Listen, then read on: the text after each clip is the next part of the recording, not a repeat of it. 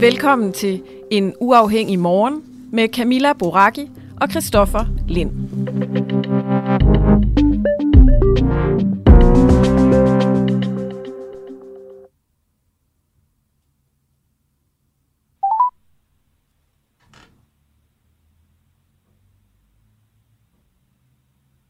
Du har trykket på en knap? Christoffer. Fordi Hallo? vi har ringet op til Clara Vind. Hallo? Godmorgen. Godmorgen, Clara. Du er øh, journalist og reporter og udsendt øh, her fra Den Uafhængige til den polske grænse ved Ukraine. Ja. Clara, hvor har du øh, sovet i nat? Og hvor befinder du dig? Jamen, jeg befinder mig i Shemyshin, der ligger cirka 10 km fra den ukrainske grænse. Øh, her, det ligner lidt, øh, hvad kan man sige, midtpunktet øh, ved, ved et storcenter med, med en stor parkeringsplads. Og øh, der er der et øh, gammelt indkøbscenter, der nu er lavet til... Øh, altså, de har ryddet butikkerne, og så sover øh, de flygtninge herinde. Og øh, jeg var lidt sent ude på soveplads, så øh, jeg tog plads på gulvet ved siden af dem og sov der i nat. Og øh, hvem har du mødt? Hvem har du sovet med? Hjem. Altså, jeg har, jeg har sovet med, altså ved siden af familier, unge, gamle. Øhm, der er jo mange, der kommer direkte fra grænsen og, øh, og sover herinde. Øh, så det er jo sådan en blanding af børn, der løber rundt, og det er koldt, så der er også mange, der ligger og hoster. Øhm, det fungerer mest som et stoppested. Nu, nu tog jeg øh, og var ude ved grænsen i går, hvor øh, jeg fulgte hjem med, med flere, der havde været over fem dage øh, undervejs, og med tre børn og to børn i en bil. Så man kan sige, når folk kommer her, er de jo trætte, altså udmattede og trætte, og øh, ved ikke rigtig, hvor de skal hen, eller, eller hvem, der tager imod dem. Hvordan er sådan den... Øh, det bliver selvfølgelig meget generelt det her, men hvordan er, hvordan er stemningen blandt folk? Altså, øh, både her ved grænsen, kan man sige, der er jo en form for, for lettethed over at være væk fra øh, Ukraine. Men, men samtidig, altså, da jeg spurgte en mor i går, sagde hun, at hun er jo lettet, men har jo ikke haft lyst til at skulle tage afsted. Så det, der er jo mange, der er, altså, øh, der jo ikke har haft lyst til at rejse fra deres land, men som også er sindssygt overvældet over den hjælp, de får. Altså her øh, på pladsen står der jo folk fra alle dele af Europa klar til at give folk et sted at sove, og står med store skilte øh, og gejler folk hen til, om de skal med til Tyskland, eller Holland, eller Danmark. Øh, så har de et sted, hvor de kan sove. Øh, Øh, så man kan sige, der er en, øh, en, en træthed, en lethed. Altså, øh, der er meget barnegråd, og, øh, og øh, forældre, der går med deres børn for at finde ud af, hvad det er, de skal. Altså, det er jo minimalt, hvad det er, de har taget med selv øh, under oppakningen. Så ja, det er jo øh, en speciel stemning, hvis man kan sige det sådan.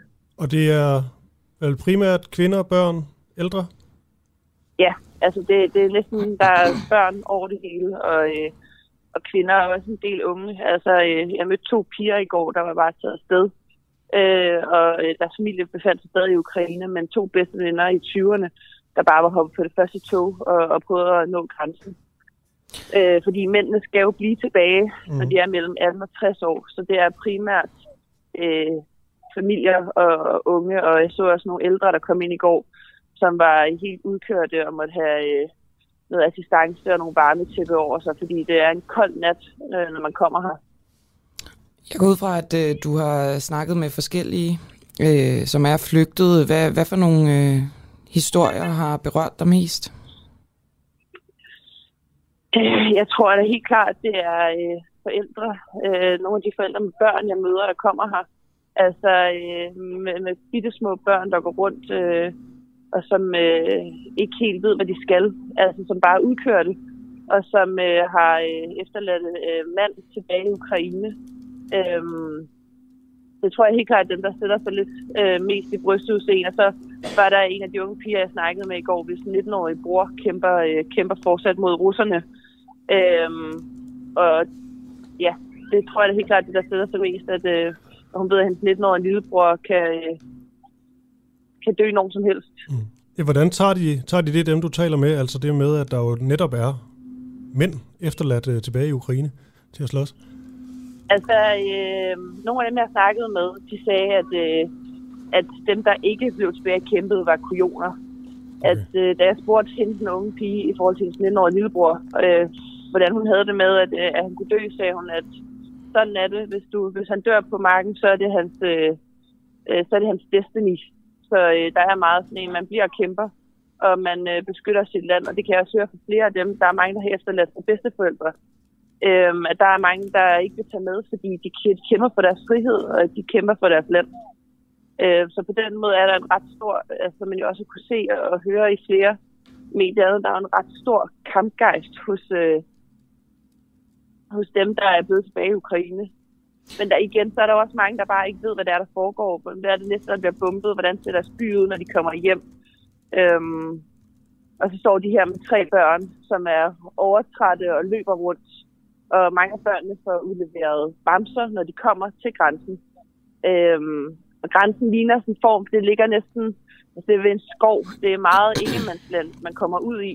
Så når mange børn kommer over grænsen, så står der allerede folk klar til at, at give dem en, øh, en bamse. Og det er jo også det, flere siger, at de er helt overvældet over, hvor mange der står sammen for at hjælpe dem. Altså, du kan få et lift, et sted at sove, mad. Der er frivillige, der står herude 24-7 klar til at hjælpe. Clara, øhm, du talte med en, øh, en kvinde i går, jeg ved ikke, om det var hende, du også snakkede om her, øh, der hedder Catalina. Øh, og det er netop i, øh, i det klip, vi skal høre, øh, som vi spiller her bagefter, hvor hun fortæller om, at hendes, hendes bror fortsat er i øh, Ukraine og skal kæmpe, og at sidste gang hun øh, talte med ham, der sagde han, at han skulle over en bro, og hvis han ikke kommer over den bro, så vil han dø. Og der var hun meget, altså hvis han så dør, så, øh, så er det meant to be, at han kæmper for sit land. Og så spurgte jeg hende også, hvad hun egentlig, hun havde kun taget en rygsæk med. Hvad det vigtigste var, hun havde pakket. Hvor hun selvfølgelig sagde, at medicin og penge, øh, men også en kniv, fordi de ved ikke, hvem det er, de møder her. Øh, hun fortæller også, at der er, der er folk fra fængslet, der er flygtet, og som de havde oplevet øh, prøve at komme med på togstationen. Så som to unge kvinder er det vigtigt for dem at kunne forsvare sig, hvis der skulle ske noget. Okay, klar. Lad os bare øh, høre Katalinas egen stemme, og så øh, Ja, alt held lykke til dig. Vi tales nok ved i morgen. Yes, det gør vi. Gør det godt. Hej. Because my younger brother uh, not like let's say stop he went just for army and of course uh, he's stuck in the middle and he was really lucky because three days ago his open car uh, by two different city and because it will be no like a night time yeah and what's happened i don't know god save him because the Russians think that this is a Russian car, and they let them go. But before this, they bomb them from um, other sites, different sites, and they stuck in the middle. Uh, right now, it's uh, 19. When did you last talk to him?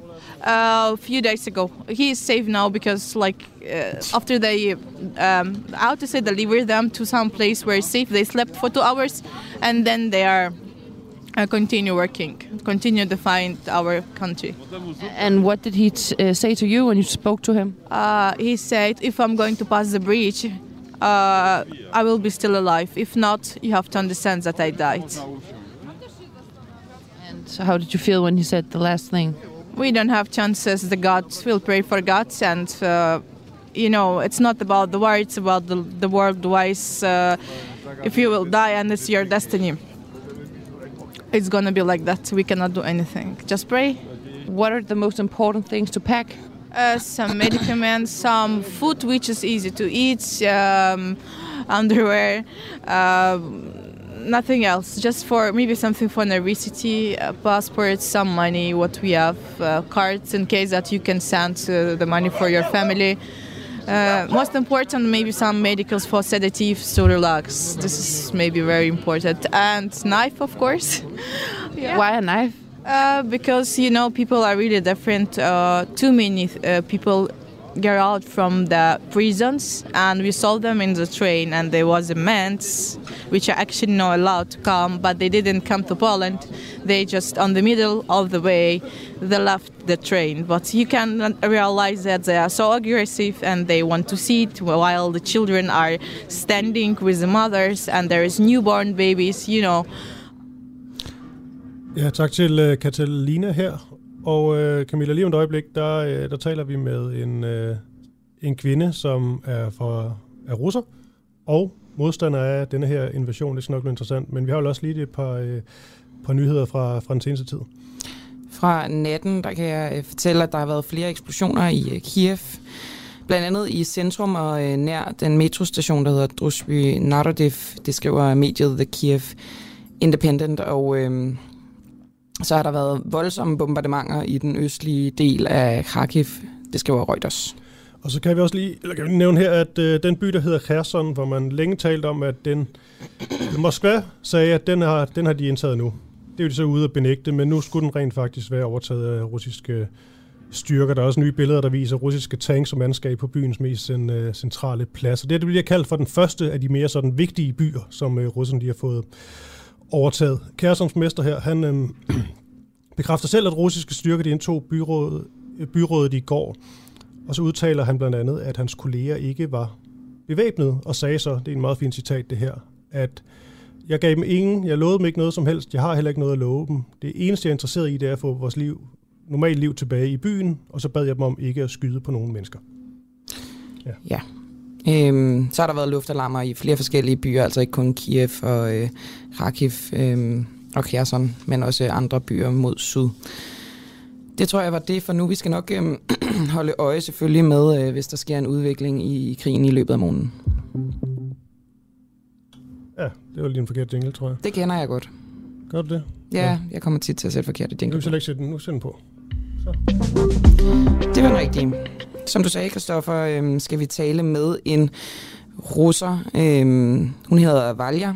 Jeg siger ikke hendes efternavn, fordi hun faktisk er ret bange for at skulle, øh, skulle udtale sig om det her. Hun er nemlig modstander af den her russiske invasion i Ukraine. Hun bor i byen øh, Krasnojarsk, som ligger i Sibirien, og øh, invasionen af Ukraine er sådan mere eller mindre usynlig i de russiske medier. I, I hvert fald så bliver det ikke kaldt for en krig i de russiske medier. Det bliver omtalt som en særlig militær operation. And uh, Valia, what do Russians hear about the invasion of uh, Ukraine in the Russian media?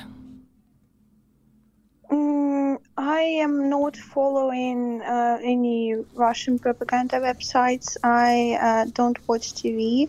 But yes, basically everything is censored, and uh, we are not uh, allowed. No, well, media is not allowed to use the word war. It's a special military operation, and uh, they are free in the Ukrainian nation. So yes, that's basically what people see if they only watch propaganda. And you are describing it as propaganda. Is it because the media are controlled by the government? Yes, uh, they are censoring. Basically, they're censoring uh, everything that can somehow give people ideas that it is not a special military operation, that it is in fact war and, and an invasion. Is there any uh, independent media uh, in Russia? Yes, there is, but um, you have to actively seek them out. You have to um, you, you have to want to know this information um, and uh, yeah they're being censored and blocked. Is it dangerous to follow independent media? Um, no. I hope it's not because i have an app of um, medusa. This is a source that i really trust that i see that they are independent. But uh, we'll see how it goes in the future um, will it be more dangerous than it is now? I don't know. Uh, I heard a statistic saying that uh, 50% of the Russian uh, population were against the war. That number is not particularly high in, in my years. Is that number correct in your opinion? I I don't know because there is no official statistic. There are no like um, statistics that he can trust. But uh, from my personal feeling, I see that uh, most young people they are against war, and uh, most people who are older they kind of believe in Putin and they believe in what he's doing, so they are for this. We've seen uh, several protests in uh, Russia. um, we have a soundbite from St. Petersburg that we will just uh, play here.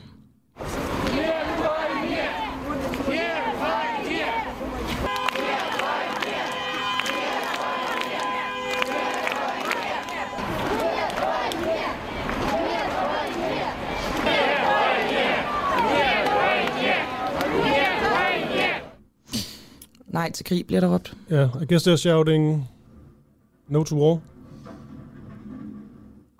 Yes, yes, they are shouting no to war. Um, also, uh, like they are demanding peace and to stop this. Have there been any protests against the war in uh, Krasnoyarsk? Yes, but uh, only a few people came out. I personally uh, didn't go anywhere because I was busy with work, but I'm planning to go today. Um, I'm afraid of the police. Um, Why? because well our police they are not exactly nice um, police brutality is nothing new um, and also they can torture people as well uh, and it's really hard um, to go out because of this because most people are afraid of the police How do they torture people? in different ways. Uh, it's it's. Uh, I've seen many cases before. Um, I I don't know. I can. I I don't want to give examples because it's very difficult to describe it. But yes, uh, It's okay. beating people. It's it's uh, a normal thing for them, um, and. Uh, I, I, I'm not. I will not be surprised if we learn more about it later. But now it's uh, hush hush, and uh, no one has exact information. But you're afraid that if you attend one of these uh, demonstrations, you can actually get caught by the co- police and maybe tortured, put in prison? Um, yes, but I um, I still haven't gone out. Uh, in my city, protests are not very massive. We only have like 30 people showing up, and um, I, I I would go if I saw more people on the streets, mm, because in the crowd you kind of feel protected. Yeah, that makes sense. Do you know anyone who has been arrested? Uh, no, personally, no. Have you experienced uh, a difference in how the population, the Russian population, are looking at Putin before and after the war in Ukraine? Well, um, we have like most people they are against Putin or they don't like him at least. But the, we are also it's very common for people to be indifferent to politics and uh, like because I am 25 years old, right? And 20 for 22 years, Putin has been the president, and it's like you you don't know any other life, so you kind of are in, indifferent to what he's doing. But now I think it's time to stop being indifferent, and I noticed that more people are now uh, ready to say no to him and to protest than before uh, with uh, cases like when people went uh, on uh, demonstrations against uh, Navalny's in, imprisonment, imprisonment uh, people were kind of supporting Navalny, and people who were against Putin and against Navalny as well, they were indifferent to it, right? But here it's a very clear cause, and it's very clear that what he's doing is not right. So I, I think that more people now oppose Putin than before. So his actions in Ukraine are provoking people to, to take a stand. Yes, um, I personally, I, I am not a very political person, but now I just I feel like I cannot be uh, indifferent to this. I think now it's not politics; it's he's actually uh, hurting people's lives and uh, threatening uh, peace Would it- of uh, the whole world. So I think now it's time to take a stand. If people uh, feel like you and um goes from being indifferent to, to take a stand, would you think it's possible for the population of uh, Russia to to get rid of Putin? I hope so. But how would you do that? Well, there are different ways now. Uh, I think now we just need to um, stop being shocked and uh, start planning something. I am. Um, I want. Uh, I like the idea of color revolution, just like in Ukraine they had this orange revolution, right? When people used uh, orange colored things to show their position. Now we have this idea of using green colored things uh, to show that we are against uh, um, Putin and against the, his uh, actions.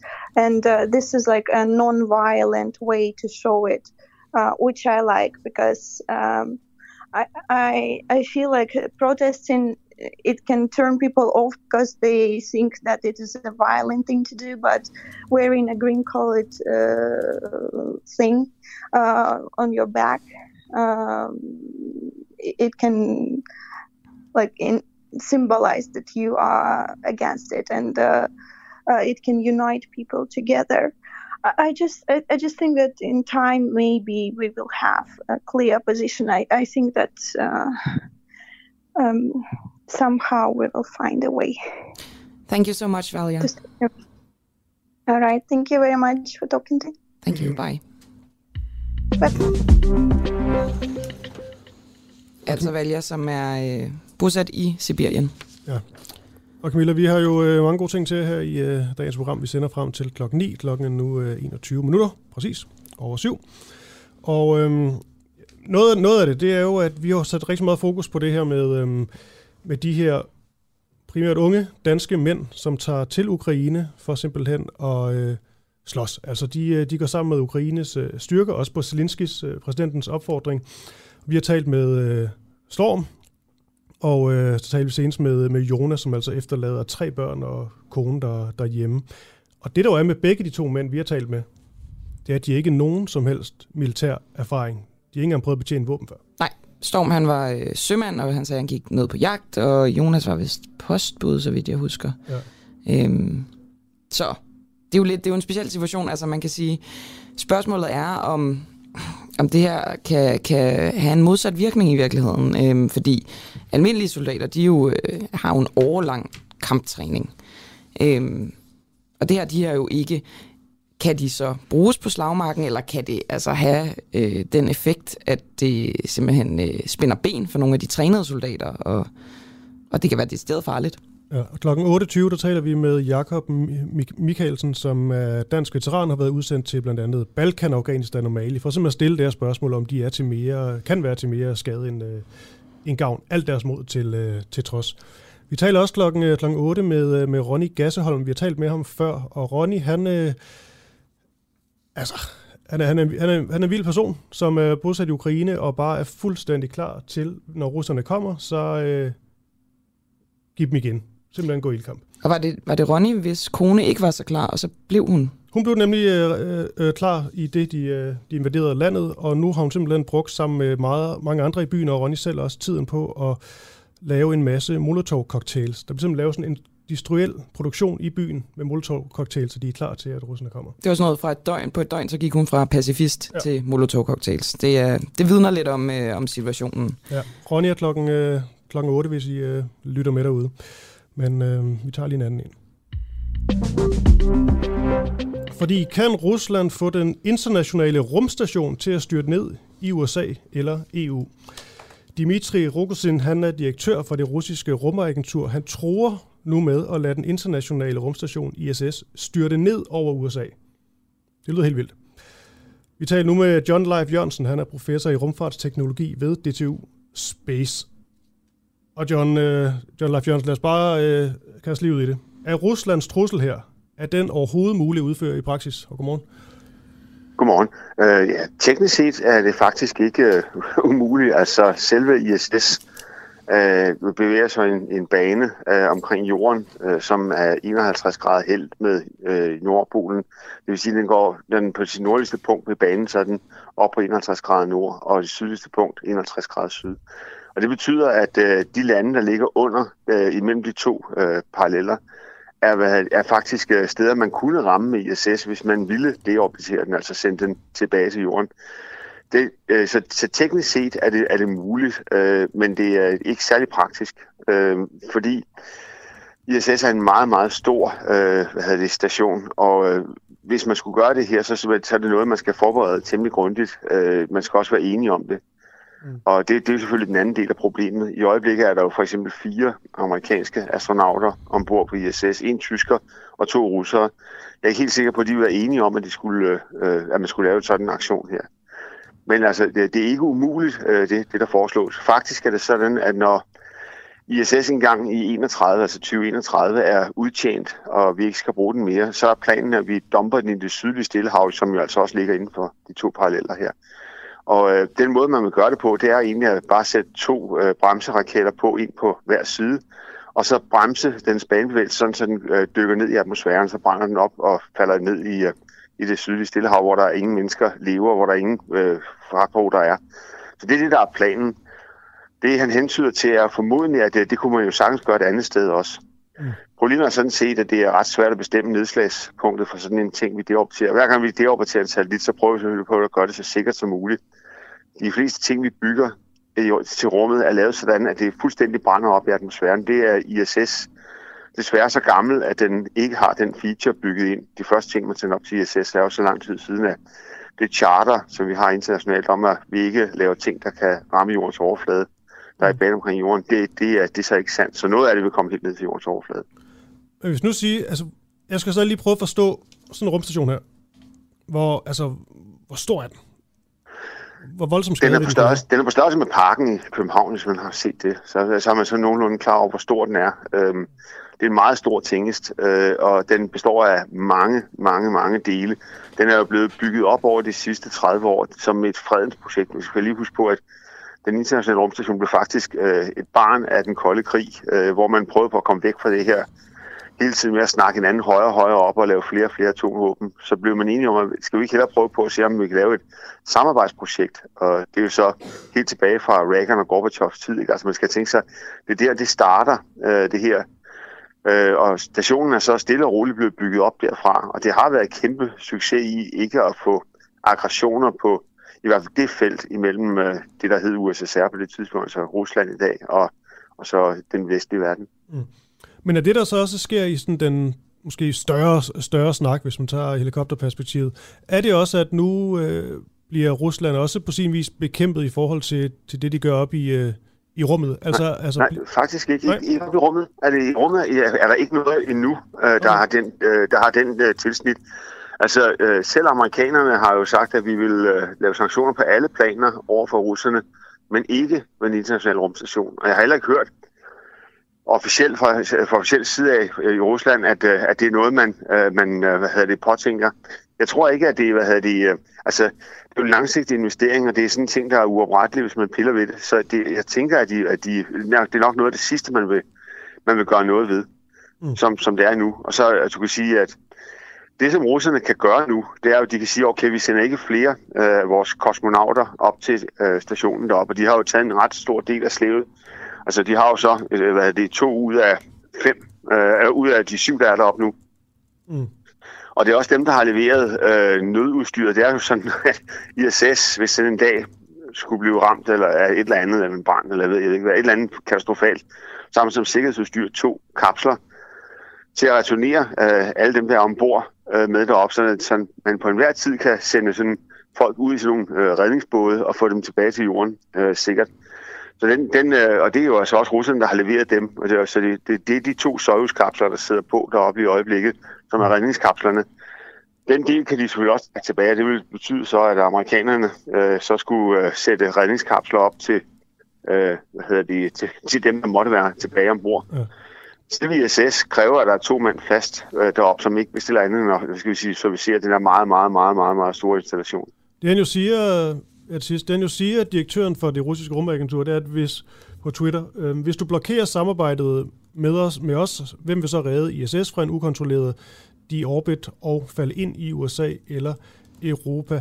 Ja, altså det, det er jo en helt anden historie, ikke? Altså, fordi hvis ikke, altså ISS er så lavt nede, altså vi har med vilje sat den i bane meget lavt over jorden, fordi vi ønsker at komme væk fra den øh, stråling, som der er ude i rummet. Der er jo mennesker ombord, og de mennesker har ikke godt af at få for meget ioniserende stråling, og derfor så flyver vi den temmelig lavt, cirka 400 km. I den højde er det sådan, at hver tredje måned bliver vi nødt til at, at tænde for nogle øh, støtteraketter, som løfter banen op, cirka 30 km højere op. og så øh, kan man så øh, være op igen tre måneder til et halvt år, lidt afhængig af, hvordan solværet er. Men, øh, men det, øh, det betyder så, at hvad hedder det, hvis man ikke gør det, hvis ikke man booster den og sender den højere op, så, så har man balladen, og det er faktisk ja, det er jo, det er jo en helt anden historie i virkeligheden, fordi den siger, at hvis ikke vi fortsætter det samarbejde, som vi har nu, så, vil, vi, så, så er der ikke nogen til at skubbe den tilbage op igen. Og det er sådan set også rigtigt nok, fordi det har været russerne, der har hvad skal vi sige, taget hovedparten af det i mange år. Ikke sådan, at, øh, at, hvad hedder det, at øh, SpaceX eller Musk og hvad det ikke kan gøre det, men det er ikke dem, der gør det lige i øjeblikket, så det er jo sådan en ting, der skal bygges op. Ikke? Så, det, så på det punkt har han egentlig ret. Okay. Det er jo lige det i første omgang, professor i rumfartsteknologi ved DTU Space, John Leif Jørgensen. Vi må bare se, hvad, hvad, hvad der sker. Det strammer i hvert fald lidt til, også øh, op i rummet, vi ikke er til. Vores god dag. Ja, tak lige måde du. Tak. Du lytter lige nu til Den Uafhængige. Danmarks måske mest kritiske, nysgerrige og levende radio. Hvis du har en god idé til en historie, så skriv til os på Facebook eller send os en mail. Adressen finder du på hjemmesiden.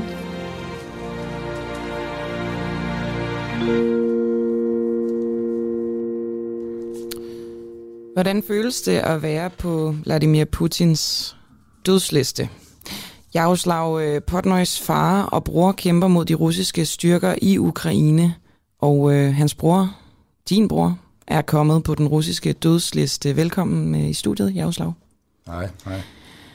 Hvad, øh, hvad er det seneste, du har hørt fra din far og din bror?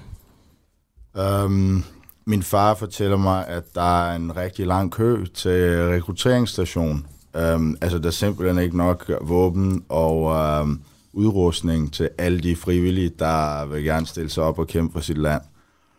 Um, så det, man gør, det er, at man kommer på listen, og, um, og så venter man bare til, man bliver kaldt ind, når der er noget udrustning, der er klar til en. Og de, øh, de er klar, din far og din bror?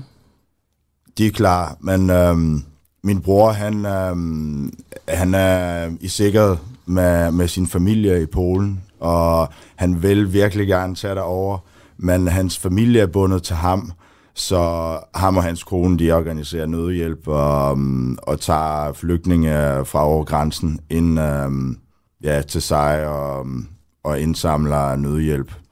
Okay, det må være en speciel situation, ligesom at gerne ville deltage i kampene, men ikke at kunne.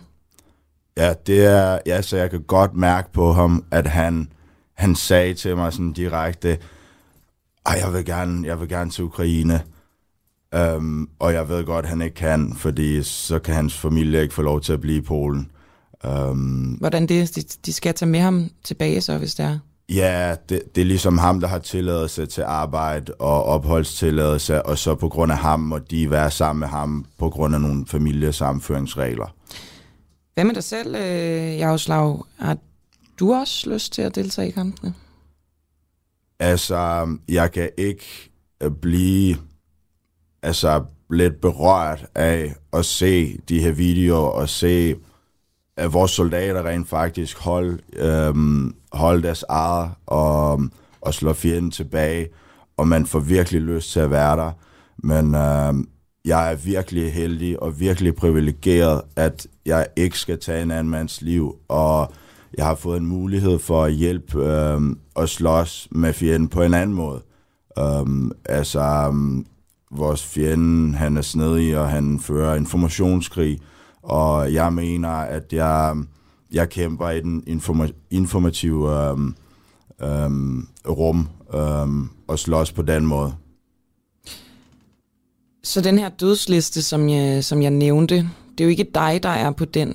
Det er din bror, som jeg kan forstå det. Kan du ikke lige fortælle, hvad er det for en liste, og hvorfor er din bror på den? Uh, ja, listen er oprettet... Um, altså, det starter med at blive oprettet um, af nogle um, tilfældige mennesker på nettet, og så bagefter FSB, de tager fat i det, og, og inden de har invaderet Ukraine, så har de jo lavet en liste, fordi umiddelbart nu kan man se, at deres plan var, at de bare kunne rulle ind, og så vil vi alle sammen vifte med de russiske flag og sige hurra. Um, og når det så egentlig skete, så kunne de have den her liste, de kunne referere til, så alle de mennesker, de vidste, der var på den her liste, det var dem, der var fjendtlige over for det russiske regime, og de skulle udryddes. Og det er derfor, listen blev skabt. Øhm. Og øh, jeg tænker, at øh, vi jo gerne vil, vil høre, hvad din, hvordan din bror har det med at være på en øh, russisk dødsliste. Jeg tror, vi vil prøve at, at ringe til ham. Det øh, står Barry for ude i regien. Øhm, Nå, vi kan bruge din telefon måske. Ja, nemlig. øhm, og det er noget med, at du måske kan oversætte. Ja, selvfølgelig. Ja. Det kan jeg godt. Det lyder godt. Jeg tror, vi skal bruge måske et, øh, et stik.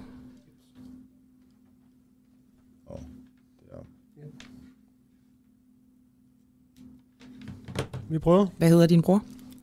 Boris. Boris. Eller, eller danskerne vil sige Boris. Boris. Ja. Og der sker noget nu.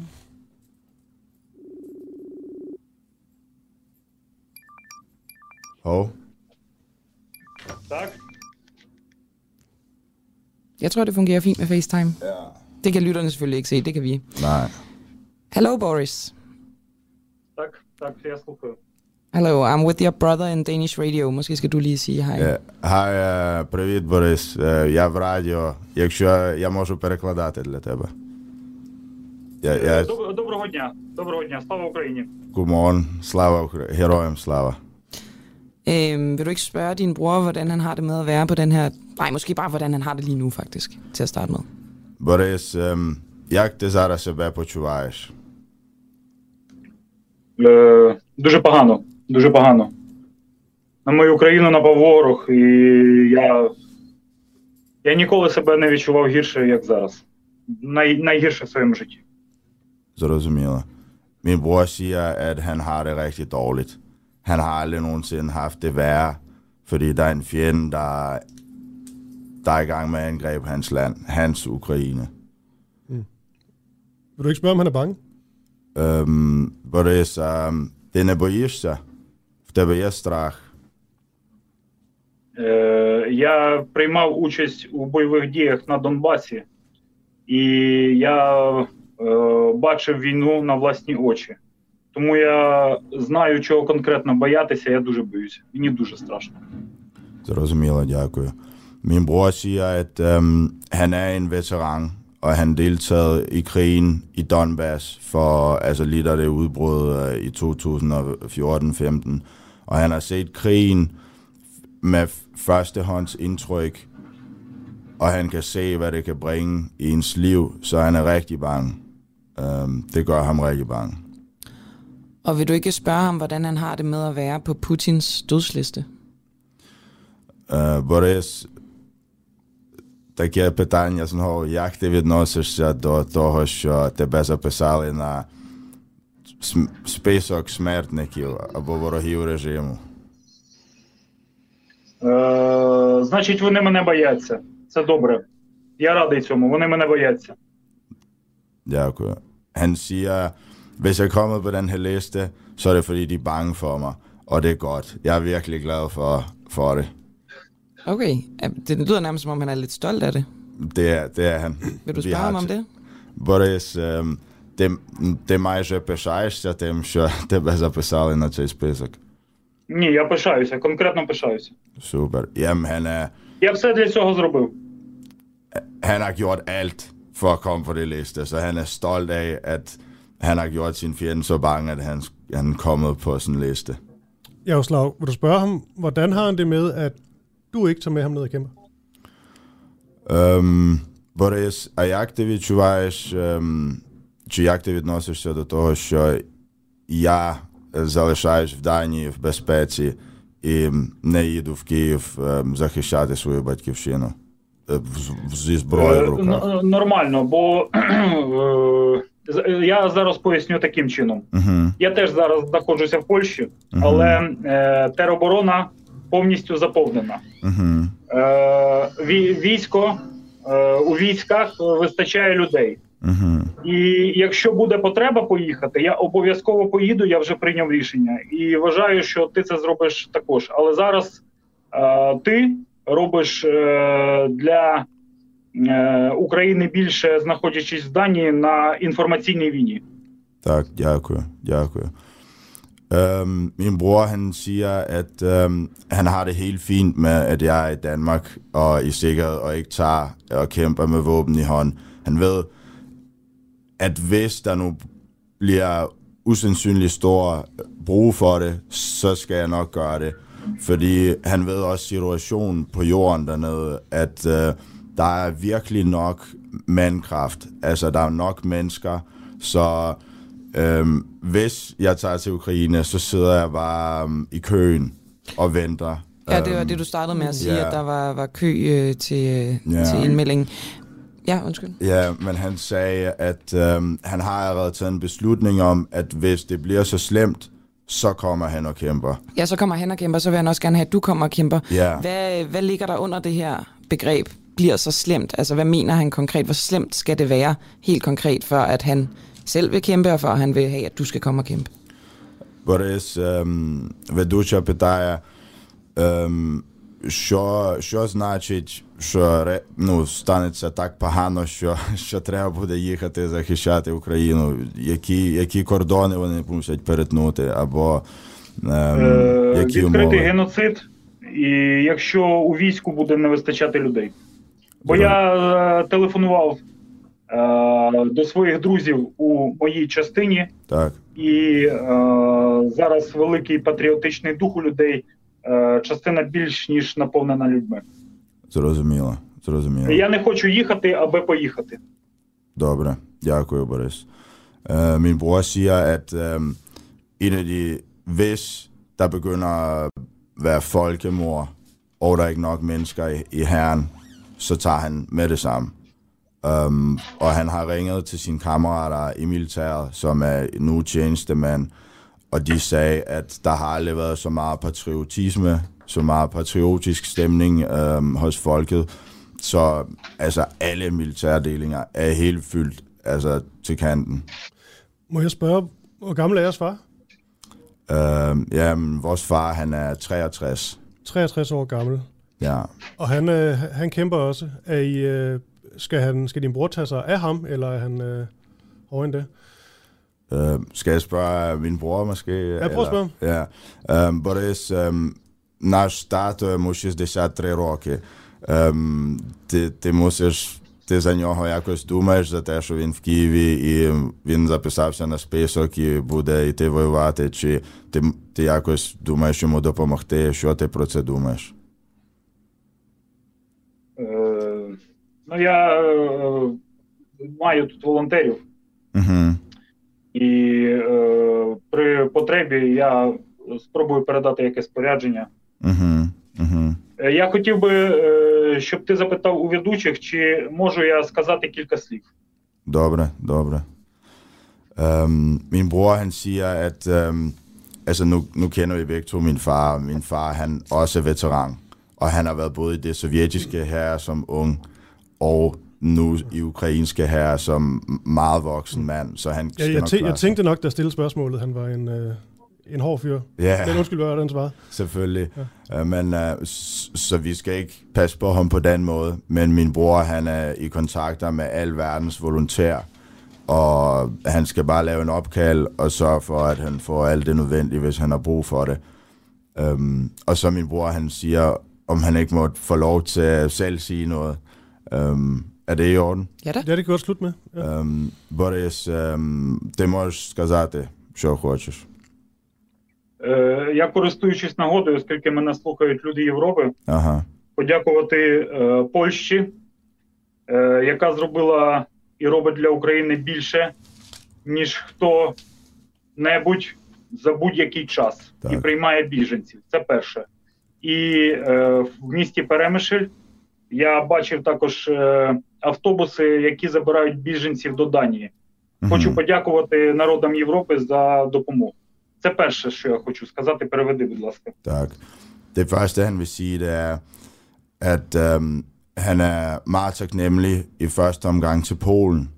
Øhm, han, øh, han kan jo se øh, med, med, med sine øjne, at Polen det gør for Ukraine mere end nogen som helst andet øh, nation lige pt. Og og så overordnet til alle de europæiske nationer, fordi han kan se, at der er busser øhm, i grænseovergang, som skal til Danmark, og så han vil gerne takke til alle, alle de europæiske nationer, der hjælper. Ja. Ja. Борис, ти ще щось хотів сказати? Е, так, я хотів, е, користуючись нагодою, попросити е, у народів Європи про військову допомогу. Е, зараз іде війна в Україні, але вона може прийти до вас у дім. Мгм. Я прошу звернутися до своїх урядів, е, аби вони надали нам, аби вони ввели війська в Україну. Я прошу до- про, про допомогу. Tak, tak. Øhm, min bror Boris, han vil gerne appellere til alle folk i de europæiske nationer, at øhm, appellere til vores regeringer, at vores, øhm, at vores overstående skal sende så meget defensiv våben ind, ind til os, fordi hvis, hvis vi falder, så, så er det næste det er Europa, og vi har virkelig brug for hjælp. Lad øh, det blive øh, de sidste ord, og så øh, sige mange, mange tak til din bror Boris. Борис, дякую тобі. Дякую. Ми ще побачимось. Дякую, дякую. Слава Давай. Україні! Героям слава. Og øh, også tak til dig, øh, Jaroslav Portnoy, for at både agere tolk, men også fortælle, hvordan du selv har det. Altså øh, dansk-ukrainer bosiddende i Danmark. Tak fordi du kom i studiet. Bare så lidt. Du lytter lige nu til Den Uafhængige. Danmarks måske mest kritiske, nysgerrige og levende radio. Hvis du har en god idé til en historie, så skriv til os på Facebook eller send os en mail. Adressen finder du på hjemmesiden.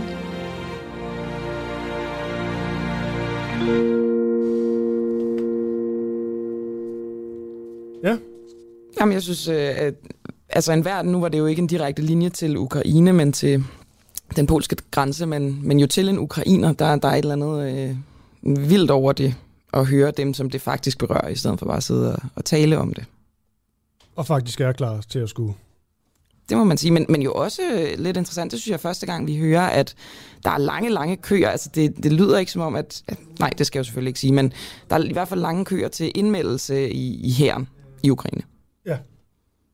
Ja, og så står man bare og venter på, at man får et, øh, et våben og noget rustning og, og værk.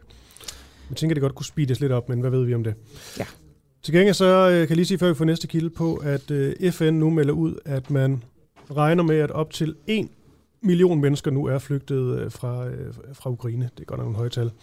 Så har Rusland også omringet landets største atomkraftværk. Det står i den øh, sydøstlige del af Ukraine, og altså det andet største atomkraftværk i hele Europa, det er noget, der, der bekymrer flere folk. Til gengæld så ved vi så også, at de arbejdende folk på den her, det her atomkraftværk, de har fået lov til at fortsætte arbejde uforstyrret.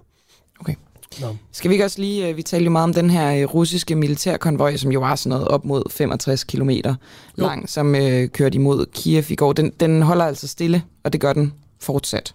Den har ikke som sådan omringet byen endnu, så vidt jeg er orienteret.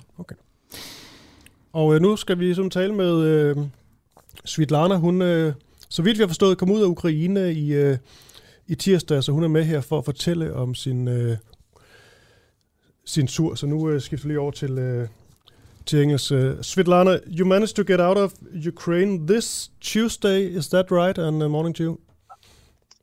Uh, yes, that's correct. It's um, like uh, around 40 kilometers queue with a car, and uh, also some people walking just uh, by foot, and they have to pass all this distance to the get to the border. Why did you wait until uh, Tuesday to leave? Uh, honestly, I was not planning to leave. I was I was planning today uh, to stay. I prepared for that. I I I got uh, food for some days at least. Uh, I I I was prepared for staying. Just uh, my husband was. Uh, I think we are responsible about people who loves us, and he was really praying he was not sleeping he was asking me please please come and i was saying the seeing that situation is getting worse and worse and I was staying completely alone there. And I decided that I really can maybe do much more if I will not just sit in basement and be scared. Okay. So at the end, I decided I decided to take a ch- try the chance, and I had the luck to get a ticket because it was impossible to do, but I simply had the luck. Mm. Train ticket, and uh, I I could get uh, to the Lviv from Kiev to Lviv. But your husband wanted to leave. Uh, he's in Denmark. Denmark. so he, yes, He wanted you to leave. he- Okay, I get it now. Yeah, Sorry. yeah, he was here and he was completely nervous and not Yeah. sleeping and very worried, of course. Yeah. How was it uh, for you to to take the train? We've seen pictures of uh, a lot of people pushing and being pretty uh, Uh, hectic. there- How how was it for you? Yeah. Uh, there are two types of trains. There are still regular trains where uh, you go by with tickets, but it's impossible to get ticket. I just managed it online by luck. After two hours trying, I got one ticket, and these trains you get with no problems. But their trains for refugees, it's mean they're extra like trains they're going often and they're for free. You don't need any documents any tickets. You just have to be there and you can get in and go. And these trains are for women and children. But but uh, many also foreigners some students some men they try to get in and it's provokes some kind of problems. But there are also police that control this situation and they just let the women pass first and if they're after some free place they can let other people. But this is priority for women and children. Hmm. Svetlana, you you just told us that you actually wanted to stay. Why did you want to stay? Uh, just simply uh, i live there all my life is there my home my work but the most important all my family is there and uh, they couldn't get out and uh, because they're surrounded by a russian army in the uh, and all the transport communication with this place is uh, broken so they can't be out and uh, it was uh, the main reason So a lot of people you know and love couldn't get out of uh, Ukraine. Yeah a lot of people can't get out because there are uh, many places are simply uh, surrounded by russians and uh, it's just no ways to get out they will be just simply killed Did you get a chance to say goodbye to your family? Uh, I'm in touch with them by uh, telephone, by because internet things not work still. So you haven't So- uh, you haven't hugged them and kissed them goodbye. No, no, no. It's uh, it's just was only the way, but I'm constantly talking to them, and um, yeah. And, uh, for now, they're safe. I mean, it's uh, they're bomb bombs, uh, they're shooting, but uh, my family is still do like on this situation. I can say more or less okay. Okay. Svetlana, before the war, that's only like a week ago or so. How was your life uh, back then? I I will. I feel safe here, and uh, I'm happy to be here. Mm. Uh, how uh, you ask me how was my life before? Yeah. I will tell you that uh, I I love to live in Ukraine, and uh, it was excellent. Economy was going so good, and uh, life there was really like going to direction of very good European level. this is very good European countries. I know that many people has impression about Ukraine that it's all like Russia or maybe it's a poor country. That's not true. Mm. Ukrainian people is very hardworking and they really work very ha- hard to bring Ukraine to very, very high standards. And it was happening. Mm. It was happening. A government is really working well, and it's just really, really something I'm very proud of. But I'm very, very sad, and I'm really, really, very angry at uh, what happening, uh, and because I know how it's already affected my country. Yeah. Okay, Svetlana. Thank you so much for, for being with us and uh, and take care. Слава Україні, героям слава. Okay, bye. Thank you. Thank you. Slava Ukraine bliver der sagt en del her til morgen. Øhm, nu fortsætter vi i det spor, som altså er de danskere, som har valgt at tale til øh, Ukraine for at deltage i kampene. Øhm, fordi Mette Frederiksen, Danmarks statsminister, øhm, har jo været sådan, hvad skal man sige, ganske sådan øh, utvetydig i, øh, i hendes udmelding angående det her. Altså hun har sagt, at der ikke er noget juridisk øh, til hinder for, at danskere kan tage ned og, øh, og kæmpe. Og øh, så kan man jo stille spørgsmålet, om hun dermed opildner danskere til at tage i krig i Ukraine og risikere deres liv og lemmer. De to danskere, som vi har talt med, de øh, har begge sagt, at Mette Frederiksen ligesom har været med til at tænde en eller anden form for gnist i dem, da hun øh, går ud og, og siger det her med, at det ikke er ulovligt at kæmpe på ukrainernes side. Og derfor så øh, ringede jeg i går til Socialdemokratiets udenrigsordfører for at høre, om regeringen vil fraråde danskere at tage afsted for at forhindre, at, øh, hvad skal man sige, at de ikke mister livet. Fordi de ligesom er blevet inspireret af statsministeren. Og øh, hun siger blandt andet, Annette Lind her, at øh, staten ikke kan hjælpe danskere, hvis, som er taget til Ukraine, til at komme hjem igen. Og hun vil ikke rigtig svare på, hvilke overvejelser regeringen de øh, gør sig lige nu, i forhold til hvilken hjælp øh, danske Ukraine-frivillige kan forvente. Der er sådan set ikke noget til hinder for øh, juridisk for at tage afsted, så, så derfor vil vi ikke forhindre folk i at tage afsted. Men man skal altså tænke sig rigtig godt om. Det er en voldsom beslutning, så derfor vil vi ikke opfordre til, at man tager afsted, men der er ikke noget til hinder for, at man gør det. Det er en personlig beslutning. I vil ikke opfordre. Vil I fraråde det?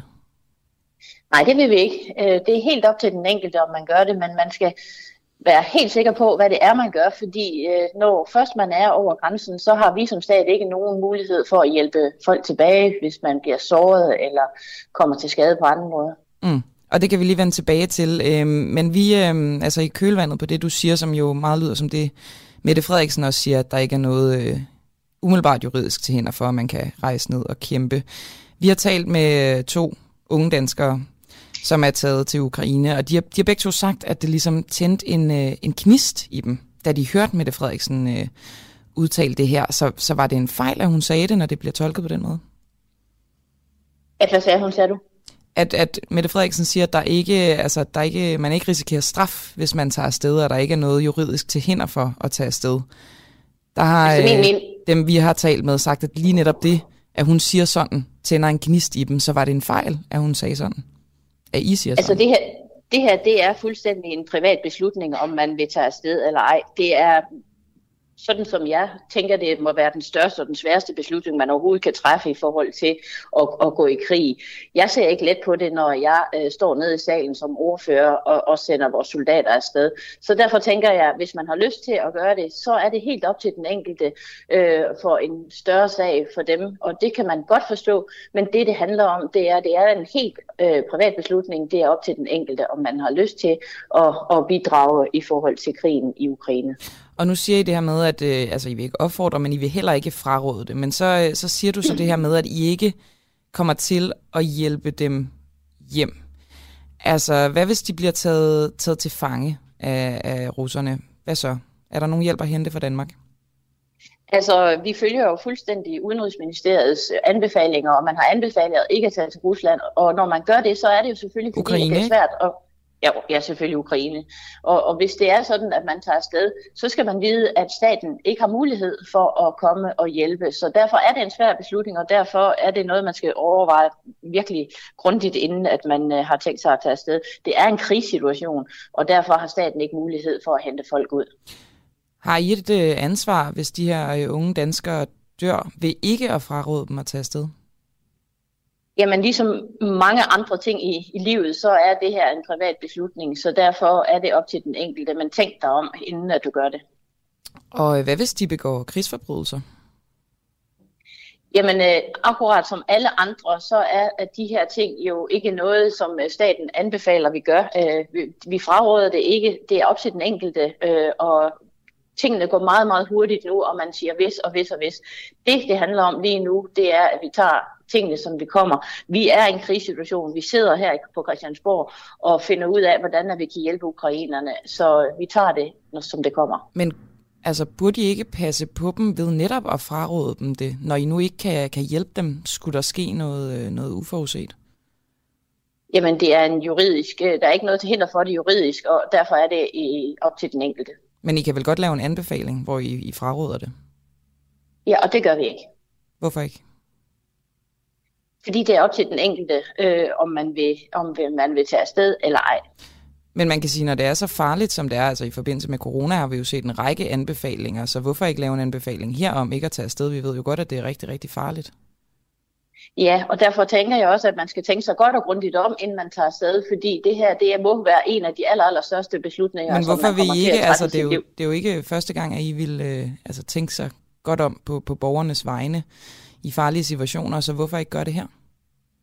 Jeg har ikke mere at sige til det her. Det er øh, op til den enkelte. Der er ikke noget juridisk forkert i at tage afsted. Øh, vi opfordrer ikke til det, så tænk dig godt og grundigt om.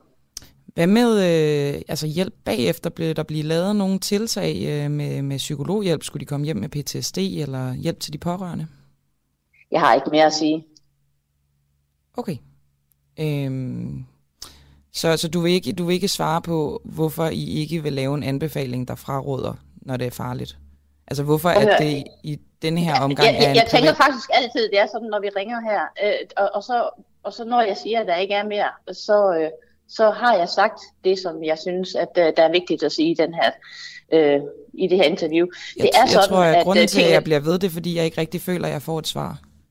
Fordi at vi, vi tager tingene, som de kommer. Øh, det er sådan, at vi diskuterer de her ting øh, de rigtige steder, og derfor skal vi selvfølgelig også tage dem de rigtige steder, og derfor har jeg ikke mere at sige. Altså, så der er en mulighed for, at I vil ligesom, når du siger mere. det, som, som I kommer, altså at der godt kan komme andre anbefalinger på sigt i virkeligheden, når, I, når du siger, at I tager det, som det kommer.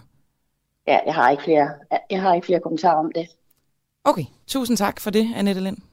Det er godt. Hej. Hej. Ja, altså Annette Lind, øh, udenrigsordfører i Socialdemokratiet. Det blev sådan lidt øh, papegøjeagtigt til sidst fra, fra min hånd af, men det, det er simpelthen fordi, at... Også for hendes. Ja, det kan man sige. Altså, øhm, det er det her med, at under corona, der så vi en masse anbefalinger. Der tog regeringen ikke. Nu vil de så ikke komme med en anbefaling, der fraråder danskere at tage ned og kæmpe i Ukraine. Og man kan sige, det er jo ikke konsekvensløst, heller ikke for det danske samfund, hvis der kommer en masse folk hjem med PTSD. Det er jo hammerfarligt. Mm. Det, øhm, ja, men det var altså, hvad, hvad vi lige fik fra Annette Lind i den her omgang. Ingen kommentar. Er man forberedt på at kæmpe mod russerne i hele Ukraine? I mandags der talte vi med Ronny Gasseholm. Han er dansker bosat i den ukrainske by Kremenchuk, der ligger 250 km fra øh, den anden største by, der hedder Kharkiv, der har været under voldsomme angreb, ligesom øh, også Kiev har været det. Og Ronny Gasseholm, sidst vi talte med dig, der var jo ikke nogen styrker i, øh, i, i nærheden af, din by, så vidt jeg, jeg kunne forstå. Men hvor langt er russerne fra dig nu? Har du nogen idé om det, og godmorgen? Jamen altså, øh, godmorgen. Øh, altså, russerne er egentlig ikke rykket meget tættere på vores by, øh, men man kan sige, de er, jo nu, de er jo nu begyndt at gå efter, efter, efter civile, øh, og det er jo så også derfor, vi, vi, vi, vi kører lidt mere sydvest på nu. Mm. Det ved jeg faktisk ikke, om I har fået at vide, men det, det har vi gjort. Nej, fortæl. Jamen, vi har øh, lige nu, der er vi i Uman, øh, og det, det er cirka 275-300 km syd for Kiev. og 400 km nord for Odessa, så vi lige sådan midt imellem de to store byer. Og vi øh, har simpelthen valgt bare at relokere lidt til sydvest, øh, sammen med en anden dansker, der faktisk også var i vores by, hvor at, øh, at vi, vi kan fortsætte det arbejde, vi nu laver der, øh, på vores by og for landet. Øh, da vi stort set var færdige med det, vi skulle i vores by, hvor vi havde behov for værter og øh, de lokale forsvarsstyrker, de, de sagde også, at øh, i, altså, hvis I smutter nu, I har hjulpet os rigtig meget, og vi, vi ved, at, vi, at I stadig vil hjælpe os, øh, men det er nok, hvis I smutter nu og får familie og børn ud. Det, øh, ja. Okay. Skal lige... Men som jeg snakkede med konen om, ja. om i går, to, altså havde vi ikke haft børn, så var vi blevet der, også indtil russerne kom. Mm. Kan vi lige prøve at dele op i to her, Ronny? Først og fremmest, øh, hvad det er for noget arbejde, I har gjort, og hvad I skal nu. Men det arbejde, I ligesom har gjort i, øh, i, i byen, da vi talte med dig, med dig sidst, det var blandt andet noget med Molotov-cocktails. Men i forhold til arbejdet, vil du ikke prøve at sætte nogle flere ord på det? Jo, altså det med Molotov-cocktailene, det er mere min kone, der har været ude, ude, ude og blande det her, fordi det er, sådan, det er jo det, er, hvad hun har, har kunne hjælpe med. Det, jeg har lavet, jeg har samlet penge ind fra Danmark, øh, sammen med en hel masse af mine venner og bekendte, øh, og har fat i danske rigmænd, som har støttet utrolig meget, og vi har fået en hel masse penge ned til os. Øh, det er heldigvis relativt let i disse tider.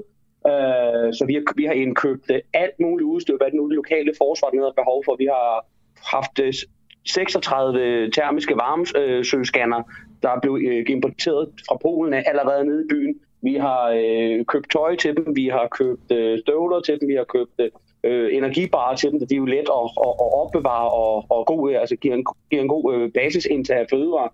Og altså, har, altså, alt, ja, og altså alt sammen for at forsvare jeres hus og by? Ikke for at forsvare vores hus, men for at forsvare vores by. Ja. Hvis mit hus det ryger, så ryger det. Det er irrelevant. Det er byen, der er vigtig. Okay. Og så er I så nu taget videre, siger du. Er det for at hjælpe, ja. hjælpe andre steder? Det er stadig, altså, det er, generelt set så er det for at hjælpe Ukraine, men det er jo også for at hjælpe vores by, fordi man siger, vores by den er potentielt en by nummer to efter Kharkiv, de, de vil tage, hvis de vil godt gå den vej, hvis det lykkes dem. Øh, så vi bliver nødt til at hjælpe de byer, der er tættest på først, så de byer, der er tættest på først, de tager slaget, og det er de parat til, så de ligesom kan få tilfangetaget så mange fjendtlige øh, soldater, eller dræbt dem, og så den næste by, jamen så er der færre, de skal kæmpe mod. Det er holdningen hernede. Mm. Er der ikke en... Ja, det er holdning hernede, øhm, og det er ja. jo vildt, og, og det er modigt og alt det her, men er der ikke også en lille latter, der er bange for, at, øh, at det her kun bliver værre på sådan det, det menneskelige plan, ved at I ikke overgiver jer, men I ligesom vil kæmpe til sidste blodstrup? Vi kan da godt lave en, øh, en, en Danmark, var det i 1940 eller var det 1939, at, øh, at, at vi, vi lærer os ned. Øh, men det gør ukrainerne ikke, og det kan da godt være, at det bliver værre. Men altså, på et eller andet tidspunkt, så må nogen skulle sige stop. Mm. Fordi så Putin, han stopper ikke hernede. Han går videre. Ingen tvivl. Mm. Jeg tænker bare, hvis det så rent faktisk lykkes, det er jo ikke, det er jo ikke lykkes nu at tage, for russerne at tage hverken Kiev eller, eller Kharkiv, de to største byer. Men det jeg bare tænker om, det er jo, hvis de så lykkes med at for eksempel at tage Kharkiv, så de lidt mindre byer, der ligger efter det, kan de vel tage uden de større, store problemer. Selvfølgelig kan de tage de, tage de små landsbyer, hvor der måske bor 200-300 mennesker, men, men de er parat. Hver landsby er, er forsvaret et par bunkers og, og en lokal defense force, og deres holdning, som jeg snakkede med dem om i går, for nu kommet lidt mere vest, hvor der taler flere engelsk, er sådan, deres formål det er simpelthen bare at tage så mange af de fjendtlige soldater ud, så den næste landsby har færre at kæmpe med. Mm. Okay. De overgiver sig ikke til russerne. Bare lige sådan. Det kan godt være, at landet på et tidspunkt måske overgiver sig, men så bliver det bare en stor gorillakrig hernede. Mm. Og det ved russerne også godt.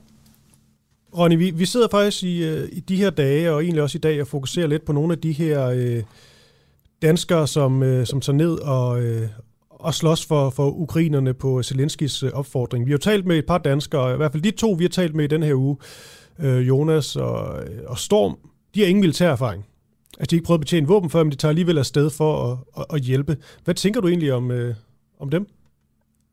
Altså, øh, nu har jeg talt med, med, med min, jeg i hvert fald har kontakt til, til mine to grupper, hvor det er rigtige soldater, der er hernede allerede fra Danmark af. Okay. Øh, det er rigtig godt. Men folk uden militær erfaring, hvis ikke man har en viden, lad mig sige, hvis man var ingeniør eller et eller andet, så, så giver det god mening. Men, men du, for eksempel, som højst sandsynligt ikke har nogen viden om noget, der vil hjælpe i en local defense force, og hvis du ikke kan tale russisk og ukrainsk, altså, så skal man skulle passe på at tage ned som soldat, fordi du kan også risikere at gøre mere skade end gavn. Du, ikke, du aner ikke, hvem fjenden er.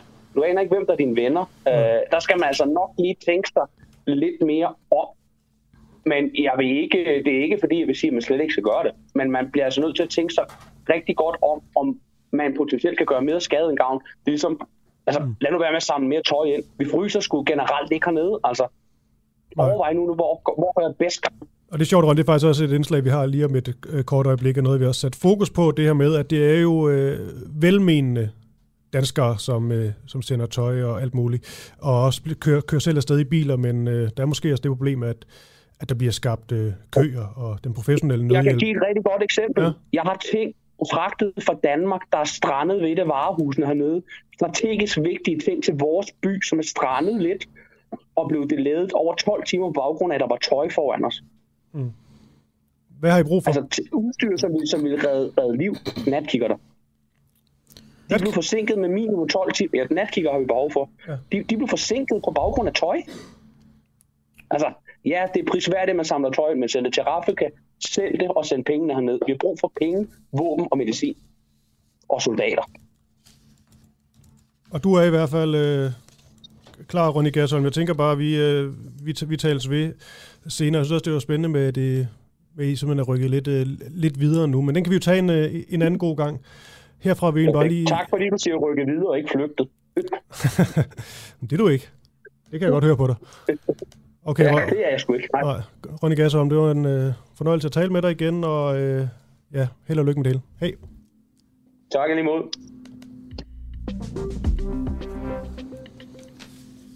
Det var jo så et uh, fremragende oplæg til, uh, til det, vi skal snakke om nu. Vi skal snakke med Claus Nørskov, som er kommunikationschef og talsperson for nødhjælp øh, fra Danmark til Ukraine i Røde Kors. Han sagde jo simpelthen, Ronny her, som jo er bosat i Ukraine og med til at gøre sig klar til, at russerne kommer til hans by osv. Vi har ikke brug for mere tøj. Vi har masser af tøj. Det er jo så et, øh, altså, hvad skal man sige, anekdotisk øh, det må man sige. Øh, argument på en eller anden måde. Ikke? Det, er jo, det er jo sådan, at Ronny ser det. Øh, det, jeg kan ikke ud fra, at det er sådan en fyldskørende analyse på den måde, men det er det, han har oplevet. Men han er jo trods alt tættere på det, der sker, end på en, der sætter sig i en uh, autocamper i uh, Esbjerg og kører afsted med noget tøj. Fuldstændig rigtigt. Og øhm, man kan sige, det ligger sig jo meget op af det, som øh, generalsekretæren i Røde Kors, Anders Ladekarl, øh, på Twitter har sagt til, øh, til de her velmenende danskere, altså med at holde igen med at køre til grænsen, fordi det netop kan, mm. som, som Ronny sagde, blokere for, øh, for livsnødvendig nødhjælp. Øhm, og Claus Nørskov, hvilke eksempler har I set øh, i Ukraine, eller ved, ved grænsen til Ukraine, hvor at øh, donerede varer ligesom er blevet et, et benspænd for den livsnødvendige hjælp? Og godmorgen.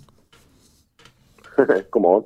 Øh, altså man kan jo se på, øh, på øh, optagelser dernede fra, at der ligger meget store mængder af, af ting, der, der, der er kørt derned. Øh, og vi ved fra de polske myndigheder, de bærer jo om, at der ikke bliver øh, bliver bragt mere øh, hjælp ned til, øh, til grænsen. Øhm, og hvem er det, der har givet jer den her information om, at, at de donerede varer stod i vejen? De, de er, som jeg siger, de polske myndigheder har jo sagt, øh, at de helst ikke vil have, at der kommer flere, flere varer ned. Men, men hvad med de ukrainske myndigheder? Jo, men det vi taler om her er jo, er jo hjælp på den polske side. Øh, så, så, så det er jo ikke, det er jo ikke hjælp, der kommer over grænsen. Det er hjælp, der, der, der, der ender på grænsen på den polske side. Så, øh, så, så på den måde er det, er det jo sådan set hjælp, der kommer til Polen, øh, men med det gode intention at, at hjælpe mennesker, der kommer fra Ukraine, eller måske også med den intention, at, at varerne kan komme ind i Ukraine og hjælpe der, men det er en meget, meget svær operation. Så den her vurdering, den er baseret på øh, den polske regerings øh, udmelding, altså ikke noget, I ligesom har vurderet med, med egne øjne i Røde Kors? Den er også baseret på årlang erfaring i nødhjælp, øh, at, at det, er, det er simpelthen svært at lave den, den form for nødhjælp. Øh, det kræver en, en, en omfattende logistik øh, og, og en, en, en erfaring i, hvordan man sikrer, at man når frem til de mennesker, der har brug for hjælp med den rigtige hjælp. Folk har ikke brug for det samme jo. Nogen har brug for vand, nogen har brug for varme, nogen har brug for medicin. Øh, øh, og de er måske forskellige steder. Øh, hvordan sikrer man, øh, at man, at man når frem med hjælpen øh, rettidigt og til de rigtige mennesker? Det, det, er, det, er en, øh, det er en svær opgave på rigtig mange måder og rigtig mange planer. Blandt andet det, det, det, det rent logistiske. Men det kræver også, at man forud har, det kræver også, at man forud har lavet en, en, en, en, en god assessment af behovene. Øh, og det er sådan noget, vi laver. Men, men, men, men jeg vil bare lige understrege, at, at det her handler jo ikke om at, at sige noget dårligt om det enorme engagement, danskerne har. Mm. Det handler bare om, at vi siger, der er mange gode måder at, at gøre tingene på, og, og vi prøver at sætte fokus på det, der gør den største forskel. Det, Som er? Det, der er vores, øh, vores mission. Ja, det er sådan, som verden ser ud lige nu. Det er at, øh, at støtte de organisationer, der er aktive i Ukraine. Det er der, mennesker har det hårdest, og det er der, hvor det også er svært at nå frem med. Så, så, så penge er den, den, den bedste måde at hjælpe på lige nu, på lidt længere sigt. Altså Så økonomisk være, støtte. At, at Ja, Claus Nørskov, må jeg ikke lige, støtte, ja. må jeg ikke lige spørge dig, øhm, hvad, øh, hvis du skulle sige en fordel ved den her civile nødhjælp, hvad er det så? Jamen, en fordel ved, ved at, at, at øh, alle engagerer sig, er jo, at der er en, en, en opbakning til at hjælpe øh, mennesker i krise. Øh, Jamen en er mere konkret, altså konkret fordele ved den civile nødhjælp. Jamen, nu sidder jeg jo og fortæller, at jeg synes, at, at, at der er fordel ved at gøre noget andet end det. Så jeg, jeg er måske lidt svært ved at sige, at det, det, det, det, det er svært lige at, at pege på, hvad det er for en fordel. Andet okay. end den enorme værdi, der ligger i, at mennesker engagerer sig. Så kommer jeg med et bud, så kan du sige, om du er enig eller ej. Altså man kan sige, at den civile nødhjælp, der er jo en eller anden garanti for, at det man donerer, det, øh, det er det, der bliver, bliver givet. Altså det ikke går til for eksempel administration, til øh, en nødhjælpsorganisations øh, husleje osv. Vil du ikke sige, at det var en fordel? Altså, så vidt jeg kan se, så eksisterer den fordel jo ikke, fordi hvis tingene ligger i grøftekanter øh, nede i Polen, så synes jeg, at det er en, en temmelig diskutabel fordel. Men Claus Nørskov, det er egentlig ret interessant, det her. Det du vel siger, det er, at øh, velmenende eller ej, så alle dem, der tager afsted, bare sige danskere, der pakker bilen med tøj og bamser og alt muligt, de bringer ikke noget som helst til bordet i forhold til øh, ukrainerne. Det tror jeg ikke, jeg har sagt. Så, så skal jeg spille baglæns og gen, gen, øh, gen, øh, høre min egen ord. Nej, det siger jeg ikke. Jeg siger, at hvis det er sådan, at vi, at vi kigger på det engagement, der eksisterer lige nu, og, og taler om, hvad er det, der gør den største forskel? Hvad kan man allerbedst gøre lige nu for at hjælpe ukrainerne? Så er det, så er det penge, og på lidt længere sigt kan det godt være øh, det, vi kalder indkring ting. Så vil det typisk være for at hjælpe de mennesker, der kommer til Danmark. Øh, fordi de kan komme her med, med, med store behov for, øh, for hjælp. Men dem, der pakker Og, øh, øh, biler med, med tøj på egen hånd, de, øh, de leverer ikke nogen fordel. Jo, men bare ikke en lige så stor fordel, som de kunne levere ved at gøre andre ting. Okay. Kunne man egentlig ikke, øh, nu bliver det bare lige sådan en, øh, en løs tanke her, kunne man ikke være bedre til sådan at, at få det her budskab ud, og fortælle folk, hvad de, øh, hvad de skal? Nu talte vi lige med, med Ronny, der, der er bosat, øh, der dansker bosat i, øh, i Ukraine, og han er ved at gøre sig klar til, til kamp mod, mod russerne. Og han sagde, altså der er jo ting, der bliver blokeret. Han vil gerne have natkigger der, men de bliver blokeret på grund af en, endnu en, et læs med tøj, og som man sagde, vi har masser af tøj. Kunne man ikke være bedre til på den måde sådan at organisere danskerne, også de civile danskere, til at tage det rigtige med? Altså, jeg har brugt, øh, øh, jeg ved ikke, næsten timer øh, på, øh, på elektroniske medier og, øh, og talt med et hav af medier de seneste dage for at, at, at få lige præcis den her pointe igen om, hvordan man hjælper bedst. Så jeg synes, vi gør vores bedste for at, at, at fortælle om det. I forhold til at organisere det, altså øh, det private initiativ gælder jo. Altså, der er jo ikke nogen, øh, der, der siger, hvad folk må og ikke må. Så det er jo en, en, en, en, vanskelig, øh, en vanskelig opgave, hvis man skal. Og det er i hvert fald ikke en opgave, som vi kan løse som, som organisation. Øh, så så, så, øh, så det, det ved jeg ikke, om man, om man kan i praksis. Claus Nørskov, øh, vi talte med en, øh, en mand ved navn Jesper Tulin i går, og han øh, kørte i sådan en lille konvoj, altså det her, vi snakker om nu. Øh, han havde læsset øh, bilerne, og så kørte de mod grænsen til Ukraine. Og han har en aftale med den organisation, som hedder øh, Medical øh, Producement, øh, Procurement undskyld, of øh, Ukraine. Hvad er sådan forskellen på at have en aftale med dem, og så øh, høre på, hvad I siger i virkeligheden? Jamen ikke nødvendigvis nogen. Altså der, der er jo ikke den eneste ledelsesorganisation, der, der opererer i, øh, i Ukraine. Øh, og, og, og, og så, så klart ikke den eneste, der opererer på grænsen, altså inde i Polen. Så, så det er der ikke nødvendigvis nogen forskel på. Øh, Men så er det jo der, det i virkeligheden bliver en lille smule forvirrende, Claus Nørskov, hvis øh, en organisation på, på niveau med jeres ligesom godkender, at der kommer civile med, øh, med konvojer med, med læssede biler, og I siger det helt modsatte, at det, det kan forhindre og, og ligesom, hvad skal man sige, gøre mere skade end gavn? Nej, det siger vi ikke. Øh, vi siger, at hvis det er sådan, at man har lyst til at engagere sig i, øh, i at hjælpe ukrainerne, så er der forskellige måder at gøre det på, og nogle er bedre end andre. Øh, og, øh, og, og, og hvis det er sådan, at, øh, at man sidder lige her til morgen og tænker, hvad kan jeg gøre for at hjælpe Ukraine, så er det bedste, man kan gøre, det er at give penge til de organisationer, der arbejder i Ukraine, for det giver mulighed for at, at drive en fleksibel ledelseoperation. Det er ikke det samme som at sige, at der ikke kan være andre øh, veje, man kan gå. De siger, og jeg gentager, hvad er det bedste, man kan gøre? Mm. Ja, og nu, øh, det er jo, jeg fik lidt en fornemmelse af, at du synes, at vi lagde lidt ord i munden på dig, øh, når vi siger det her med, at I mener, det gør mere skade end gavn, og som civil at køre ned ved grænsen. Bare lige for, at det er helt klart, også i forbindelse med Anders Ladekarls tweet i går, det, at man som civil tager ned til grænsen med for eksempel tøj, kan det blokere for livsnødvendig hjælp potentielt? Jeg har ikke været på den polsk-ukrainske grænse. Jeg kender ikke de eksakte forhold dernede, så det kan jeg ikke sige hverken ja eller nej til. Jeg kan konstatere, at de polske myndigheder beder om, at man lader være. Men det er jo det, Anders Ladekarl han skriver, altså, at det risikerer at blokere... Det er jo, ja. det er jo et ekko af det, som, som de polske myndigheder siger. Okay, så den risiko er der. Det vil du gerne bekræfte.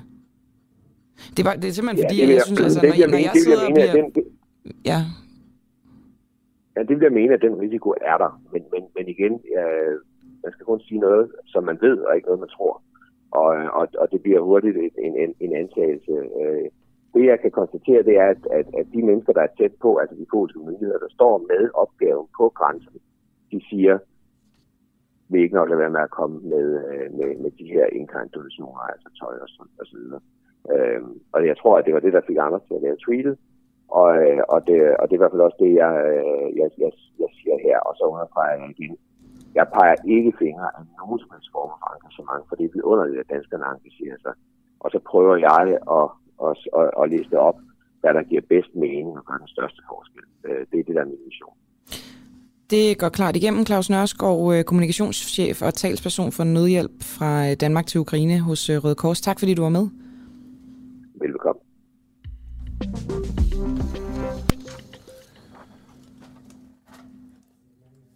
Nå Camilla, nu skal vi, øh, vi til det med de her mænd, unge mænd, som tager til, øh, til Ukraine for at slås. det ligger sig jo i virkeligheden lidt øh, i samme tema, det her med, at man er velmenende, og så øh, kan det måske øh, have et helt andet resultat, end det man, øh, man ønskede. Altså lige så vel som med nødhjælpen, så øh, kan de danskere, som vil ned og kæmpe i øh, krigen i Ukraine, måske have det, øh, altså gøre det simpelthen decideret farligt, fordi de ikke har nogen professionel øh, kamptræning, som øh, professionelle soldater ligesom har brugt overvis på at, at indhente.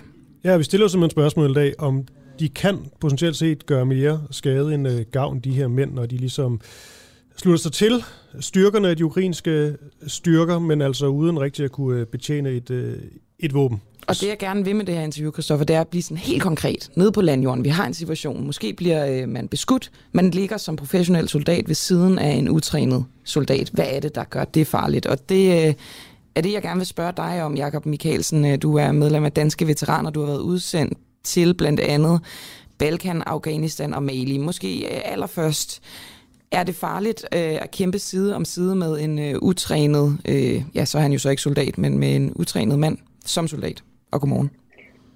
Øh, godmorgen. Jamen, øh, det er særdeles farligt.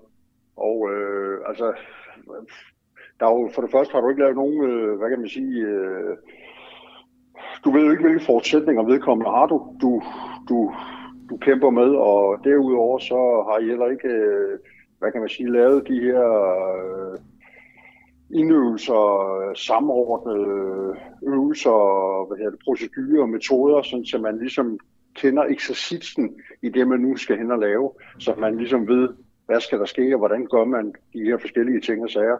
Så det er, er meget, meget øh, risikabelt at gøre det. Så altså med det ikke bare risikabelt for, for vedkommende, der ikke har fået træning, men simpelthen også risikabelt, risikabelt for hele operationen. Er det sådan, jeg skal forstå det?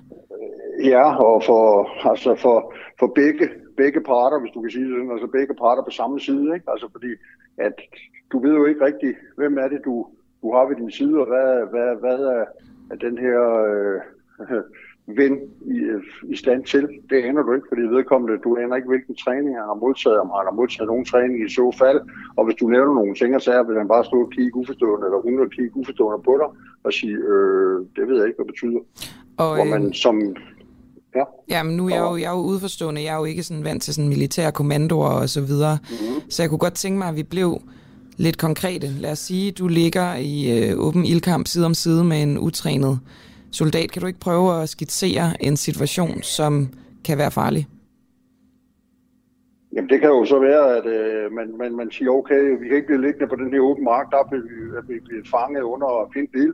Så øh, jeg vil, have- vil gerne have, at vi bokser os hen til øh, grøften, som er 50 meter lige øh, foran os. Øh, jeg starter med at dække dig, kom, øh, løb frem, og så dækker jeg dig. Og, og den her, man kalder det bokse igennem øh, terrænet, hvor den ene sikrer den anden, mens den anden løber. Og så, øh, når man har løbet en, en 10-12-15 meter, så knæler man ned, og så sikrer man vedkommende, og så råber man klar, og så løber den næste frem øh, en 10-15 meter. Sådan bokser man igennem terrænet. For eksempel sådan en simpel ting, hvor man skal sikre hinandens øh, øh, ja, taktiske bevægelse igennem terræn, det, det ved man jo ikke som utrænet, så man aner ikke, man skal. Hvad, hvad betyder det at sikre, og hvordan gør jeg det, og skal jeg bare tage hovedet under armen, eller skal jeg bare skyde alle mine patroner ud i landskabet, mens sammen den anden løber, jamen så er jeg ikke mere ammunition, og først øh, jeg skal have brug for ammunitionen. Altså, Men er det- Ved, der er mange...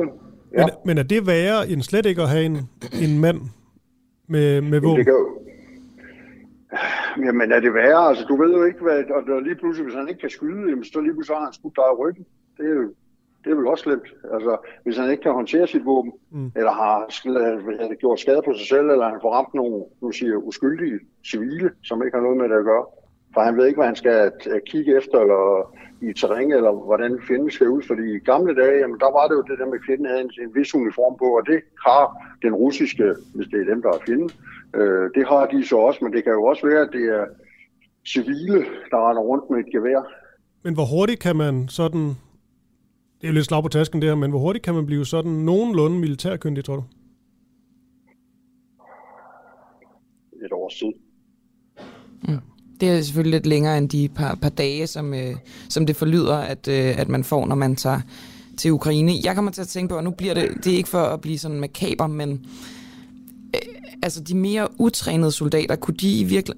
Okay, det lyder virkelig mærkeligt at spørge om det her, men kunne de i virkeligheden ikke bruges som en form for førstegillede, eller kanonføde, sagt med et lidt, øh, et lidt grimt ord? Øh, Ja, men det er jo ikke, altså det, det, det, det er sådan lidt gammel strøm, altså hvis man, hvis man gør det, og der var også, der var jo scenerier fra 2. verdenskrig, hvor, og det var russerne, der kun havde våben til hver tredje, og så sagde man til de to, han var ikke våben, jamen og ham så ved siden af dig, som har våben øh, falder, så tager du hans våben op og så har du et våben.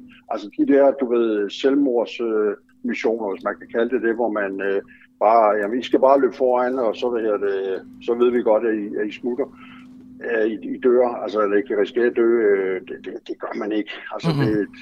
det, det, det, det, Og det er heller ikke en, en, en effektiv form for krigsførelse. Nej, på ingen måde. Plus at, øh, det ved du også, øh, det kan vi selv regne ud af, hvad der sker øh, næste gang. Ikke? Så hvis man over, er heldig at overleve den gang, så næste gang, ikke? Jamen, der har man jo slet ikke lyst til at deltage, fordi man vil jo ikke bare rende rundt, som man nu siger, en, en hovedløs øh, øh, høne, og, og, hvad hedder det, og så ja, vent på at blive skudt, eller risikere at blive skudt. Øh, så det vil man ikke. Så er der, kan, du, kan du slet ikke komme på noget scenarie, hvor at, øhm, at de her øh, frivillige og, og utrænede soldater kunne have en relevans i, øh, i Ukraine? Ja, vi kan jo ikke rigtig kalde dem soldater, for de Nej, er de jo ikke, men altså hvis, øh, hvis man hvis nu at de, de var uddannet til førstehjælp og ting og sager, så skulle de jo slet ikke med ud til fronten, men så kunne man jo være langt bagved og måske give noget behandling eller stå til rådighed til at hente ren vand eller et eller andet muligt til såret, der kommer ind og sådan nogle ting. Men altså igen, det er, jeg kan sige til jer, når man kommer ud i sådan nogle under fremmede himmelstrøg, som Ukraine er, du kan ikke sproget, du kan ikke kulturen, du, altså, der er mange ting, du ikke kan, så, så altså, hvordan skal du kommunikere sammen? Og så ved jeg da godt, jo, selvfølgelig kan man lære nogle fakta, og så ved vi godt, om det betyder at drikke, og det, det betyder at spise og ting og sager, men, men i krig, hvor der er stress, og der er kaos og alt muligt andet, jamen, altså, der, der, er ikke, der er ikke så meget tid, og der skal bare nogle meget, meget kort, simple kommandoer, så skulle sætte gang i, i, i nogle, øh, altså nogle procedurer, nogle tiltag, ikke? Og, og, og, og, og nogle handlinger. Og det, øh, det, det kan man ikke, når man kommer fra Danmark, for de færreste kan tale ukrainsk eller forstå det. Jeg kommer sådan til at tænke på, at øh, Vladimir Zelensky har jo øh, opfordret folk til at melde sig til den her øh, frie legion, og, øh, og også opfordret befolkningen til simpelthen at, øh, at lave civilt oprør i form af molotov-cocktails. Øh, hvad hvis de her øh, danske folk, som tager, øh, tager ned og kæmper, øh, ligesom blev sådan nogen, der kastede med molotov-cocktail? Ville det, øh, vil det hjælpe? Altså hvis du var dernede som professionel soldat, ville det være effektivt, at uh, civilbefolkningen kastede med molotov-cocktail? Jeg, tror, vi skal, vi skal holde skæg og snot for sig her. Der tror jeg, man skal sige, at altså dem, hvor, hvor det eneste land, der er ved at blive rent over ende, som det er, hvis man er ukrainer, eller man har, bor i Danmark, og ens øh, familie bor i Ukraine, så man vil tilbage og hjælpe dem, jamen, så kan det godt være, at man skal hjælpe Ukraine. Men ellers så skal man ikke bare tage det ned og så hjælpe. Men det ved vi selv, hvis mit hjem var i fare, jamen så vil jeg selvfølgelig også kæmpe meget hårdt for det. Men der er også nogle helt andre følelser i spil, hvis det er, er det, der er gældende. Men det der med at komme ned og så stå igen bag nogle murbrokker eller noget, noget klams, nogle vejspæringer i en by, og så stå og kaste molotov-cocktails. Jamen, det er jo sådan noget guerilla øh, øh, krigsførelse, som også kræver træning. Og, øh, og, og der, altså igen er casualtiesne, altså øh, chancen for det øh, på civilbefolkninger og på egen krop og på og lemlæste de forkerte og alt muligt andet er jo kæmpe, kæmpe store, fordi man ved ikke, hvad man driver med. Altså når jeg skal reparere min bil, så, så sender den jo også på et værksted, så sender den jo ikke øh, hen til, øh, hen til bageren, vel? Altså, det, det, det, man skal lade de rigtige mennesker klare det, øh, de er nu uddannet til. Lige en, lige, lige en sidste ting. Da vi talte med ham, der hedder Jonas, der er taget afsted, han er en 27-årig mand, med, der efterlader mm. tre børn og, og kone, dedikeret. Han har aldrig været i uh, ildkamp før, han heller ikke nogen, uh, han kan ikke finde ud af at betjene våben, dybest set. Det skal han så lære. Mm. Til gengæld så er han afsted blandt andet med en, uh, en tidligere militær fyr, som har styr på det, som ligesom siger, at han vil tage sig af ham. Kan du se den konstellation fungere? Ja, hvis de fik noget træning sammen, hvis de havde noget tid, men her der er tiden en knap faktor. Ja. Så det kan godt være, at man til at starte med at sige, godt du, jeg har dig under vingerne, men når først ildkampen raser, der springer bomber, der falder murbrokker ned over dig, og der bliver råbt og skrevet og alt muligt andet, og panikken er total, så er du overladt til dig selv. Øh, jeg ved ikke, om øh, hvis I har set øh, Saving Pride Ryan, da yes. man laver selve landgangen, øh, og ham her, kaptajnen Tom Hanks, der spiller en kaptajn, han ligesom skal styre sit kompani i den her land, landgang. Det er jo bare kaos, og han står jo lige pludselig alene som kaptajn og har ikke alle sine folk. Han aner ikke, hvad der sker. Han, det er bare en overlevelse for ham selv. Altså, det er det, det drejer sig om. Og det vil også være, hvis man kommer ned, og så kan det godt være, at man siger, ja, det er en body, jeg har det under, under vingerne. Ja, hvis de har noget militærtræning eller noget erfaring, så kan man bruge bodysystemet bedre, end hvis man bare siger, du er utrænet, kom, jeg skal nok tage mig af dig. Det kræver igen noget træning og uddannelse for, for at kunne gøre det effektivt. Okay. Klar tale for dig, øh, Jakob Mikkelsen øh, fra Danske Veteraner. Tak fordi du var med. Velkommen, hey. og god dag. God dag. Tak. Hej. Hej. Hey. Apropos Molotov-cocktails og guerillakrig, vi blandt andet kommer ind på her, så øh, stiller vi nu spørgsmål om, hvorvidt Molotov-cocktails de kan gøre nogen som helst skade på de, øh, de russiske styrker. Det er jo også i anledning af, af Ronny, vi talte med øh, tidligere, som er dansker bosat i Ukraine, hvis kone jo simpelthen er gået fra at være totalt pacifist til nu at stå sammen og masseproducere de her Molotov-cocktails i en ukrainsk by. Og de er jo også på en eller anden måde blevet, hvad kan man sige, symbolet på ukrainernes kamp mod den russiske overmagt. Altså man ser de her... Jeg så et billede i går. Der sidder 4-5 mennesker, der er i kørestol. Alle sammen meget svagelige. Mm. Og de sidder så bare og producerer molotov cocktail. Så det er en måde blevet sådan den lille mands øh, kamp mod det store system. Det, det er ligesom de bomber, vi ligesom kan frembringe ved noget meget simpelt. Måske er det også på en eller anden måde rart, altså sådan rent psykisk, at føle, at man kan gøre noget. Ikke bare skulle sidde passiv. Ja. Det kunne jeg godt forestille mig. Det kan jeg godt følge, men nu skal vi så også finde ud af, om de rent faktisk kan gøre nogen, øh, nogen forskel. Det spørger vi Christian Søby Christensen om. Han er, han har lang titel, han er seniorforsker i sikkerhedspolitik og strategi ved Institut for Statskundskab på Københavns Universitet. Og Christian, før jeg spørger, om en Molotov-cocktail kan gøre en forskel, så er alle lige er klædt på. Vil du ikke lige forklare mig og lytterne, hvad en øh, Molotov-cocktail egentlig er? Godmorgen. Jo, en, øh, og godmorgen. En øh, Molotov-cocktail er øh, en form for øh, brandbar væske. Det kunne typisk være benzin, der er hældt ned i en glasflaske. Øh, så hvis man har drukket en flaske vin øh, om aftenen, så kan man lave en Molotov-cocktail dagen efter. Så sætter man en, en prop på toppen af flasken, som består af noget stof, som hænger ud over, og så kan man tænde ild til, til stoffet, og så har man lavet en, en lunde, og hvis man så kaster den her flaske mod noget hårdt, så går flasken i stykker, og så øh, hvad hedder det, brænder væsken selvfølgelig ned i flasken, og på den måde så kan man lave en slags øh, brandbombe. Det er en Molotov-cocktail, og den er jo opkaldt i øvrigt efter den øh, øh, tidligere sovjetiske udenrigsminister, fordi at øh, jeg tror, det var, var finnerne, der brugte det i vinterkrigen i 1939. Så det er ikke en ny teknologi. Okay. Og det lyder til, at den her sådan en Molotov-cocktail her, den kan produceres øh, billigt?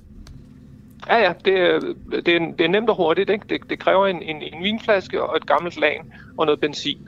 Eller husholdningssprit eller noget andet, der brænder meget. Mm. Nu er det selvfølgelig ikke, fordi vi sidder sådan og prøver at lave en eller anden guide til, at folk skal hjem og lave den selv, men det er jo bare noget, der virkelig er blevet øh, på mange måder symbolet på, på denne, her, denne her krig. Men lad os så også finde ud af, hvad de rent faktisk kan, kan gøre i en, øh, i en kampsituation. Hvor effektiv er sådan en Molotov-cocktail her?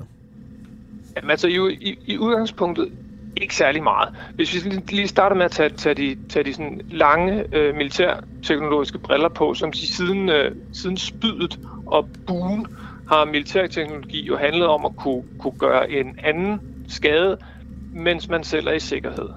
Og man kan sige, at en molotov-cocktail er jo begrænset af, at den jo kun virker så langt, som man kan kaste den. Så man skal være villig til at påtage sig selv relativt stor risiko. Og så er det så klart, at det, man kaster efter den, skal jo så også være sårbart øh, over for den ild, man kaster. Øh, der hvor så, så, så molotov-cocktail er ikke i udgangspunktet et super effektivt våben. Især ikke mod øh, meget pansrede køretøjer, mm. som kan skyde langt. Ikke? Øh, så, så, så det kræver nogle specielle omstændigheder, skal være til stede. De omstændigheder, hvor en molotov-cocktail kan give mening, er præcis i det scenarie, som mange forventer vil udspille sig i, i, i Ukraine i de kommende dage og uger, nemlig en form for, for, for bykamp. Øh, og netop i byer, der kan man jo som øh, altså som, som individuel menneske, eller infanterist, eller enkeltsoldat, komme relativt tæt på, på sit mål, ikke? som kunne være en, en pansret mandskabsvogn, en kampvogn, måske endnu bedre, øh, en, øh, en lastbil eller en tankvogn, altså en, en, en nogle af forsyningsenhederne. Og der, der kan man jo så hvad de bebygget område komme tæt på og skjule sig selv og kaste en, øh, en eller gerne flere, tror jeg, mm. øh, af de her Molotov-cocktails fra vinduer eller, eller, eller gyder, eller hvad det nu måtte være. Ikke? Så, så på den måde er det, kan det godt have en, have en, have en lille, lille effekt netop i, i det, vi kigger ind i nu. Okay, men, bare, men nej, ja. jeg, nej, jeg vil bare spørge Christian, uh, Christian Søby Christensen, hvis jeg nu, og det gør jeg ikke, men hvis jeg nu gik ud på, på gaden nu, har en Molotov-cocktail i hånden, kaster den mod en, lad os bare sige, helt almindelig personbil, hvad sker mm. der så? Ja, så, øh, så, går der, så går der ild, ild i starten af bilen, og, og du vil nok, øh, hvad hedder det, forskrække ham, der, øh, der kører bilen en del. Øhm, om, om bilen sådan, hvad hedder sådan noget, holder helt op med at virke, øh, tror jeg er, er uklart, men, men, men du vil i hvert fald, hvad hedder det, nok få ham, der kører bilen til at bakke øh, eller hoppe ud af bilen.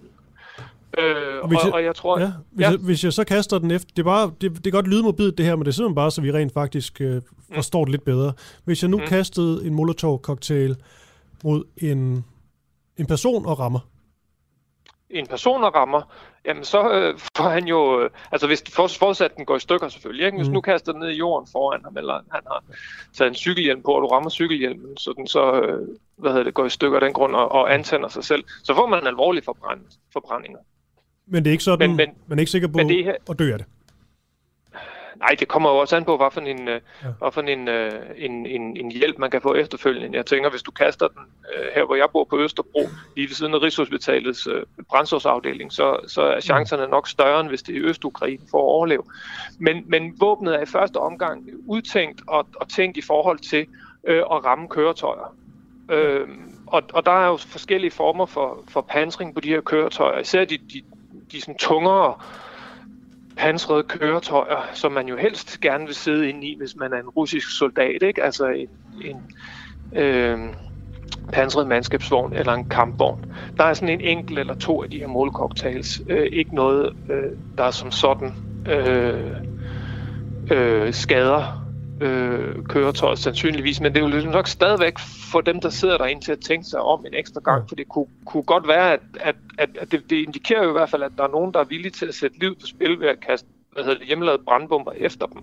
Så, så det kan jo sagtens være, at man med sin motorcocktail ikke nødvendigvis ødelægger det, men ligesom eksemplet med personbilen før, får dem til at bakke. Øh, ja. Og på den måde er det fint, og jeg tror, i vidt omfang, så skal øh, de her hjemmelavede ting, altså en ting af de her molotov så har også været eksempler på, at at, hvad hedder det, øh, at Ukraine er gået i gang med at lave de her øh, kampvognsblokeringer, ikke? hvor man svejser jernbanesvælder sammen, så, mm. så, så kampvognen ikke Men... kører og, og graver skyttegraver osv. Øhm, ja, undskyld. Nej, jeg tænker bare, Christian, fordi det lyder til, at de øh, groft sagt mere har sådan en måske afskrækkende effekt, men sådan et, øh, en russisk styrke, der trænger ind, de bliver vel ikke bange eller trækker sig tilbage af, af det her? Nej, men det, de jo så, det man jo så typisk vil gøre, det vil være, hvis man, altså nu er det jo i første omgang, vi snakker en situation, hvor de russiske styrker er kommet tæt på, som de har været de sidste par dage, ikke? hvor de har prøvet på at køre ind i, ind i byerne, uden at have særlig meget øh, ildstøtte, som man kalder det, med, og uden at bruge særlig meget, øh, særlig meget militær magt inde i de her byer. Der er det klart, der kan man sidde op i et vindue og, og, og kaste molotov-cocktail ned på en, på en let pansermaskebsvogn. Det, der nok er ved at ske nu, det er, at man en, en, en frygtelig militær øh, eufemisme er, er ved at præparere øh, byerne, ikke? så det vil sige langtrækkende artilleribombardementer er ligesom det, der er, er på dagsordenen nu. Så på et tidspunkt, så vil man jo så fra russisk side begynde at bevæge sig ind igen. Så når en, en, vil der jo sandsynligvis ske det, at når en, en, en russisk øh, enhed møder noget, en forsvarslinje, om det er med, med maskingevær eller kanoner, eller om det er molotov så sådan set er ligegyldigt, så vil de jo så trække sig tilbage og ringe til deres artilleri, og så kalde, øh, kalde en granatregn ned over det sted, hvor de forventer angriberne var. Præcis som amerikanere jo gjorde i, i Irak og Afghanistan, ikke? der ringede til, til det amerikanske luftvåben, og så regnede det også ned med raketter. Og der kan man sige, der er en molotov-cocktail jo ligegyldig, ikke? Som, som man skal nok øh, løbe sin vej relativt hurtigt, efter man har kastet den. Nu er det jo øh, civile, som, øh, som skal kaste med de her molotov-cocktails. Er det, kan det være farligt for dem, altså andet end at de selvfølgelig kaster sig ud i, i kamp, men altså øh, jeg ved ikke, om det er kluntet formuleret, men skal man have militærtræning for, det ikke er farligt at kaste med Molotov-cocktails?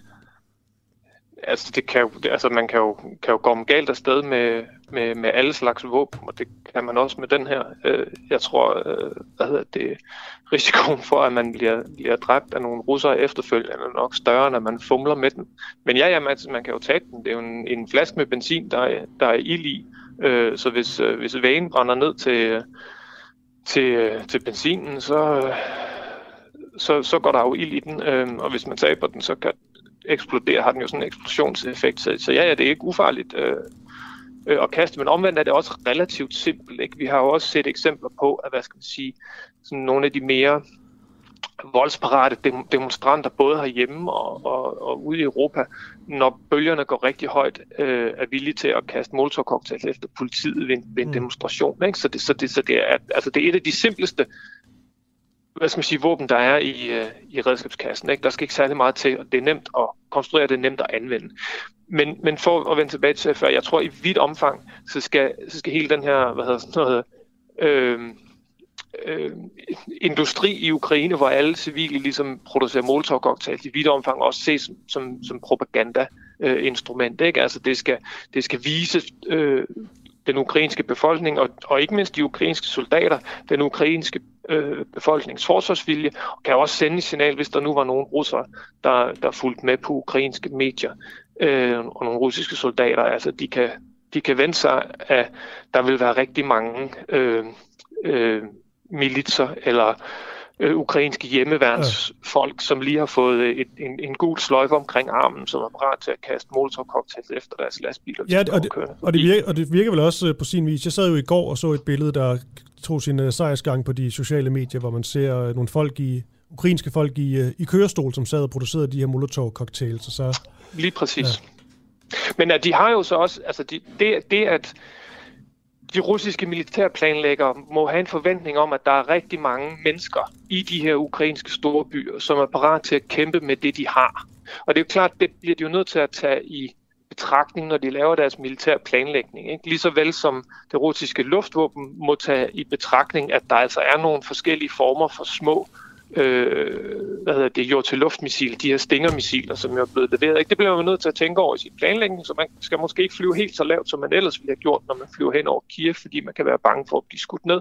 På samme måde skal man måske også rykke lidt langsommere frem, eller bruge lidt flere tropper til at rykke frem, end man ellers ville have planlagt, fordi man, man fra russisk mm. side i sin planlægning så vil have en forventning om, at at, at det her også vil være til stede, og der er så stor forsvarsvilje i Ukraine, ikke? og det tror jeg i vidt omfang at det, der er kommet bag på dem, og de ikke er kommet hvad skal man sige, hurtigere frem til at lave øh, det, det kirurgiske indgreb og fjerne den ukrainske militære og politiske ledelse, som jeg tror var, var, var den indledende russiske plan.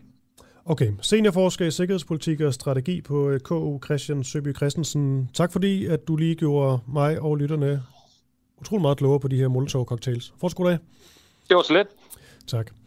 Og med det så øh, har vi faktisk fået Peter Vigo på her om ikke, ikke så længe, fem minutters øh, tid. Der er sådan lidt øh, flyvende udskiftning lige nu.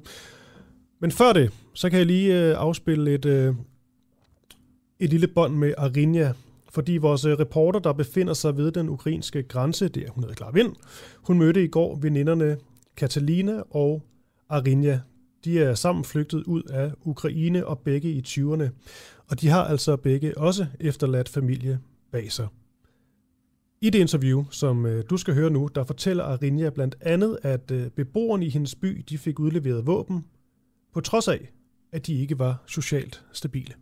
Uh, we came here because, uh, like, we are scared for our lives, for our families. Unfortunately, we left our grandmas, but I hope soon, maybe when the sky will open, we can let them in here. And what was the last thing that you said to your grandma? That I love her and I will take her.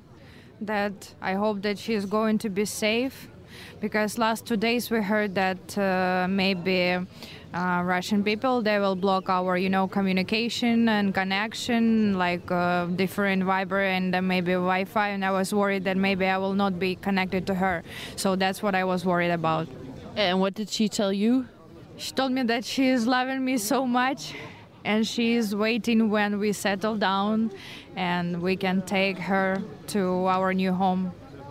And what was the last thing you did before you uh, you took off um, before I took off, I called her and uh, told her, "Don't worry, everything will be fine." And uh, we are waiting our train. It was like four hours. We were waiting our train, and it was very cold. Too much kids. They were crying, and uh, till we were waiting, uh, there was sirens, and we heard like tanks were coming in our city. Uh, if true sirens, uh, when sirens were like around the city, it was scared because, uh, for example, we live in different areas with my friend, and they have some places to hide shelters. But in our place, we don't have. So, like, we don't have these places where we can hide. So we were standing just in our corridors, you know, like that, and uh, we were hiding, and we were afraid that you know something will blow suddenly, and maybe we will not have enough time, like, to run somewhere. And the most, I think, is scariest uh, thing that uh, uh, some of our citizens, like uh, they were given uh, real guns, and uh, our citizens not that you know social stable. So I was afraid that it's going to be like. robbers you know and people will go like um, the streets and rob you and maybe kill you so it's scary and where did they get the guns? Uh, military service. They have decided that uh, because of uh, not enough military service, so this kind of people like usual citizens they can control the city maybe look over the because like russians recently they started to put some marks you know on the on the trees or maybe on their ground and uh, they thought that somehow they can control this you know so they were given guns by military service. Actually, when this war started, in 2014, my ex-boyfriend he died because of this war. So, yeah. How did he die? Uh, in 2016, he went uh, to the military to the war in Donbass. Yes, and there was like shooting, and he he died with his uh, leader. So, so he was fighting in the Donbass area, and uh, then he was killed. Uh, you know, I I think I didn't believe first time because he's only son from his mom. She doesn't have any kids, and uh, I don't know. He decided, you know, like to go and fight for his country. I think before, like before he went, he didn't realize what is really happening. But in two years, his service that happened, and when uh, somebody called me, I I didn't believe. And now it's been 10 days since Putin started to invade Ukraine. Uh, what did you do the day that he started to invade? It was really, you know, it was like uh, every morning I wake up at eight o'clock because I have my job like started. I uh, I am online teacher, and my uh, friend like I, I woke up because I, I saw like hundred, uh, you know, on. Um, like calls and messages and i was like oh my god what happened like and the message first i saw my friend told me the war began i am like what i, I, I am like you know my grandma she started to do her teeth like you know and she needed to go to uh, to stomatology to dentist and she's like should i go I'm like, are you kidding me? Sit at home because it's the first day. We don't know what's happening. Like, we don't know what's going on. And we just sat and followed all news was going on, and we heard sirens, and it was really scary. Like at the first day, I told her, "Let's go, let's go," because maybe soon we will not have a chance if our like city will, you know, will be like in Putin's cover. So she needed four days to think about that, and now we are right here. And we are really we we we cry since we come here because we shocked how people are helping. I think I never heard in the history that all countries like you know side by side. Never. And what are your plans now? Uh, first of all, we need to go to Wrocław because my mom is working. My family, actually, my brother, my dad, and my mom, they are working here in Wrocław, and uh, they are waiting us like maybe I don't know, maybe for one week, for two weeks, and then we will see, think well, what we are going to do because actually we don't know what's going on in Ukraine and what will happen next. Because today I heard that uh, they are going to have the second uh, part of negotiations, and I know that our president he will not he will not put the guns. He will go fight for for our country because our country wants to be independent since it was it happened after ussr and he will not he will fight i know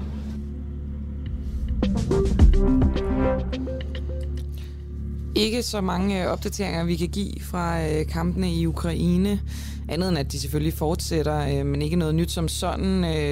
Dog kan jeg sige, at der har været beskydninger mod et militær universitet i byen Sumi mellem Kiev og Kharkiv. Mm. Kan måske også lige nævne, at øh, Jysk Sengtorslæger nu officielt lukker sine 13 butikker i Rusland.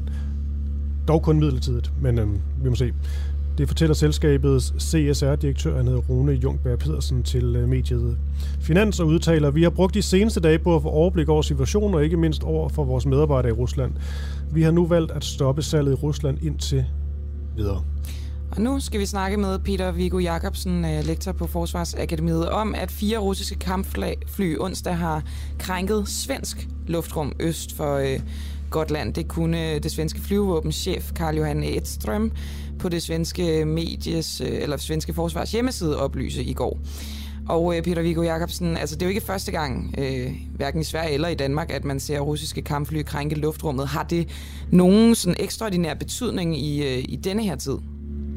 Nej, hvis man skal prøve at spekulere i, hvorfor russerne gør det, så ved vi jo alle sammen, at Sverige lige nu overvejer, om de skal melde sig ind i NATO, ligesom Finland også gør. Så det her kunne jo være et russisk forsøg til på at sige til svenskerne, at det er en rigtig dum idé. Men hvis det er det, så er russerne godt nok også dummere end loven tillader, fordi hvis, hvis, hvis svenskerne står og vakler, så får det her dem jo ikke til at mindske lysten til at melde sig ind i NATO, vil jeg umiddelbart vurdere. Men jeg tænker, det er sådan, man skal se situationen. Så, så du tænker, at, at øh, det her kan skubbe svenskerne hen imod NATO, simpelthen? Jamen, det er jo i hvert fald svært at vurdere. Altså, hvis jeg var russerne, så ville jeg være påpasselig med, at, at hvad det hedder, puste til ilden. For lige nu, der går der jo sådan en anti-russisk bølge igennem hele Vesteuropa. Og hvis man ikke, øh, altså hvis man ikke, altså der er jo virkelig en anti-russisk stemning i øjeblikket, og det er gået rigtig, rigtig hurtigt. Og det vil sige, når russerne så også optræder øh, provokerende, som det vil blive opfattet i Sverige, ja, så risikerer man jo at skubbe tvivlere over på, på NATO-siden. Men, men det er jo desværre sådan, at, at russerne har ageret igennem rigtig lang tid, og det er svært at forstå, at de ikke selv kan se, at det er kontraproduktivt. Men det virker ikke sådan. Det her med at krænke luftrum, fordi da jeg fik den her besked i går med, at øh, russiske kampfly har krænket det svenske luftrum, så tænkte jeg, okay, nu rykker krigen tættere på, og så kom jeg til at tænke på, ja, det er jo faktisk ikke første gang, det er sket. Er det simpelthen bare sådan nogle symbolske manøvrer, sådan lidt øh, provokationer, uden, øh, uden rigtig noget substans i det? Ja, det vil jeg umiddelbart vurdere. Nu har jeg ikke set billeder af de fly, der krænkede svensk øh, luftrum i går, men det, der plejer at ske, når det er Danmark, går ud over, det er jo, at de sender nogle fly ind, ind der, hvor de ikke må være, men uden øh, bomber under vingerne, således at man godt kan se, at de ikke har tænkt sig at skyde. Og på den måde, så mindsker de jo også risikoen for, at de svenske fly skyder den ned. Så det er sådan en kontrolleret provokation, hvor man provokerer, men samtidig gør, hvad man kan for at undgå, at det eskalerer, og der er nogen, der bliver slået ihjel. Typerne af de russiske kampfly, det var to forskellige. Det var ja. SU-27 og SU-24. Ja, men det skal man ikke lægge så meget i. Det, der, der det handler om her, det er markering. Øh, så, så, så, det, så det med, hvad det er for nogle fly, det, det er mindre vigtigt i den her sammenhæng. Russerne prøver bare at sende et signal om, at de er utilfredse med den måde, som tingene udvikler sig på, også i forhold til NATO, øh, svensk NATO-medlemskab. Det vil være mit bud. De kan selvfølgelig også være sure over, at Sverige, ligesom alle andre, har sendt våben til Ukraine. Men jeg tror, det vigtige for russerne i den her situation, det er at påvirke diskussionen omkring NATO-medlemskab. Og så siger øh, den svenske regering, den russiske krænkelse af svensk luftrum er selvfølgelig helt uacceptabel. Det vil føre til en klar diplomatisk markering fra svensk side. Hvad ja. ligger der i en klar diplomatisk markering? Det vil sige, at, hvad det hedder, øh, at ambassadøren bliver hævet ind øh, i det svenske udenrigsministerium til voksenskæld ud, ligesom det også er tilfældet i Danmark, når russiske fly øh, flyver tæt på Bornholm. Så, så det er den standardprocedure, man bruger i den her slags situationer. Og så har svenskerne jo altså også brugt det til at berolige befolkningen at sige, vi har, øh, russerne var på besøg, vi var oppe og afvise dem, se vores forsvar virker. Men så man bruger mig, det, det altså også en af til, til at vise, at, at svenskerne skal ikke blive bange for noget som helst. Det lyder jo fuldstændig som et underligt øh, øh skuespil for begge ja, parter. Altså, det, det... Det, det, det, det er det også lidt. Og det her det er ikke nogen som helst form for indikation på, at krigen er ved at rykke tættere på Danmark eller Sverige eller andre lande omkring Østersøen. Så det skal man ikke blive bange for, hvis det er det, man går og tror. Alright, så fik vi i hvert fald øh, det på plads, øh, Peter Vigo. Jakobsen, øh, du er lektor ved Forsvarsakademiet. Tak fordi du var med. Selv tak. Ha' en fortsat god dag. Lige måde. Peter Viggo, som altså ikke plejer at sige... Øh, han plejer bare at ligge på. Ja, ja, det, det er meget sådan uh, militær kommunikation, men uh, I dag der fik vi det. Har med ham. Det var fordi, han sad i tog igen. Det er også noget, som uh, tit sker, når vi snakker med ham. Ja. Nå, vi er ved at være ved vejs ende for dagens program, Camilla. Vi sender jo igen i, uh, i morgen. Jeg ved ikke, om der er flere nyheder, men jeg synes godt lige, vi kan lave lidt uh, reklame for en, uh, en ny podcast. Splinter ny, vi har sat i søen. Den hedder Dagbog fra Ukraine. Og man skal jo egentlig bare være medlem af den uafhængige, så øh, får man adgang til den. Det koster 59 kroner om, øh, om måneden ind på dua.dk og tilmeld dig, fordi så kan du høre det her program gratis, men der ligger altså også flere forskellige øh, helt nylancerede podcast ude. Og den her dagbog fra Ukraine, der øh, følger vi nogle af de her unge danske mænd, mange af dem uden krigserfaring, som simpelthen er draget afsted til Ukraine for at øh, slås noget, vi har fokus på hele morgenen. Og så får vi simpelthen bare, ja, en dagbog fra øh, Jonas og nogle af de her fyre. Det synes jeg er ret vildt. Ja. Det, øh, det glæder mig simpelthen selv til at følge rigtig meget. Og det er jo også, man kan sige, de ved jo ikke helt, hvad, hvad der skal ske. Nej, det er det. De... det, er det. Jeg, jeg glæder mig allerede til at se, altså skal de stå i de her køer, som en af vores øh, tidligere kilder snakkede ja. om, at uh, der simpelthen er køer til, til indmelding i, i militæret. Hvor lang, hvor lang tid er det her kursus, de får, inden de bliver sendt ud, og hvor bliver de egentlig sendt hen? Ja, og nu talte vi jo med en militærmand, som sagde, at, hvad var det, han sagde? Du skal i hvert fald bruge et år på at rigtig få Ja. For, for du kan kalde dig selv militærkyndig, og det har de jo ikke, de her, Nej, det kan man ikke sige. de her mænd. Spørgsmålet så, om de kan være... Ja, vi har stillet spørgsmål, om de kan være til mere skade end, øh, end gavn, men det kan jo også være, at de rent faktisk kan, kan bidrage med noget. Ja, fordi alt det her, der skal man jo huske på, at det er på direkte opfordring af Ukraines præsident Volodymyr Zelensky. Ja, og derudover så øh, kan de heller ikke ryge spil eller noget bagefter, fordi at, øh, ja, det er jo bare holdning for, for regeringen.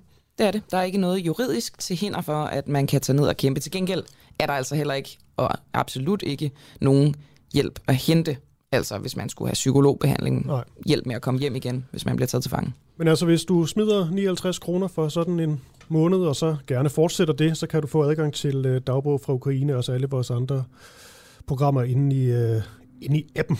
Den sidste lille bitte nyhed, det er, at Rusland og Hvide Rusland, de udelukkes fra de paralympiske, paralympiske hedder det, Mm. vinterlege. Det var der mange, der spekulerede i i går, om det ville ske, og det er altså sket nu. Og med det, så sætter vi lige en lille jingle på. I øh, regien, der sad den gode Barry Vessel. Ja, vi sad her i studiet. Camilla Boracchi, Christoffer Lind. Hvad hedder du? Camilla Boracchi hedder jeg, siger jeg lige igen. I morgen, der skal vi i øvrigt snakke med Samuel Raklin. Det glæder jeg mig rigtig meget til. Nå, fedt. Mm? Vi ses.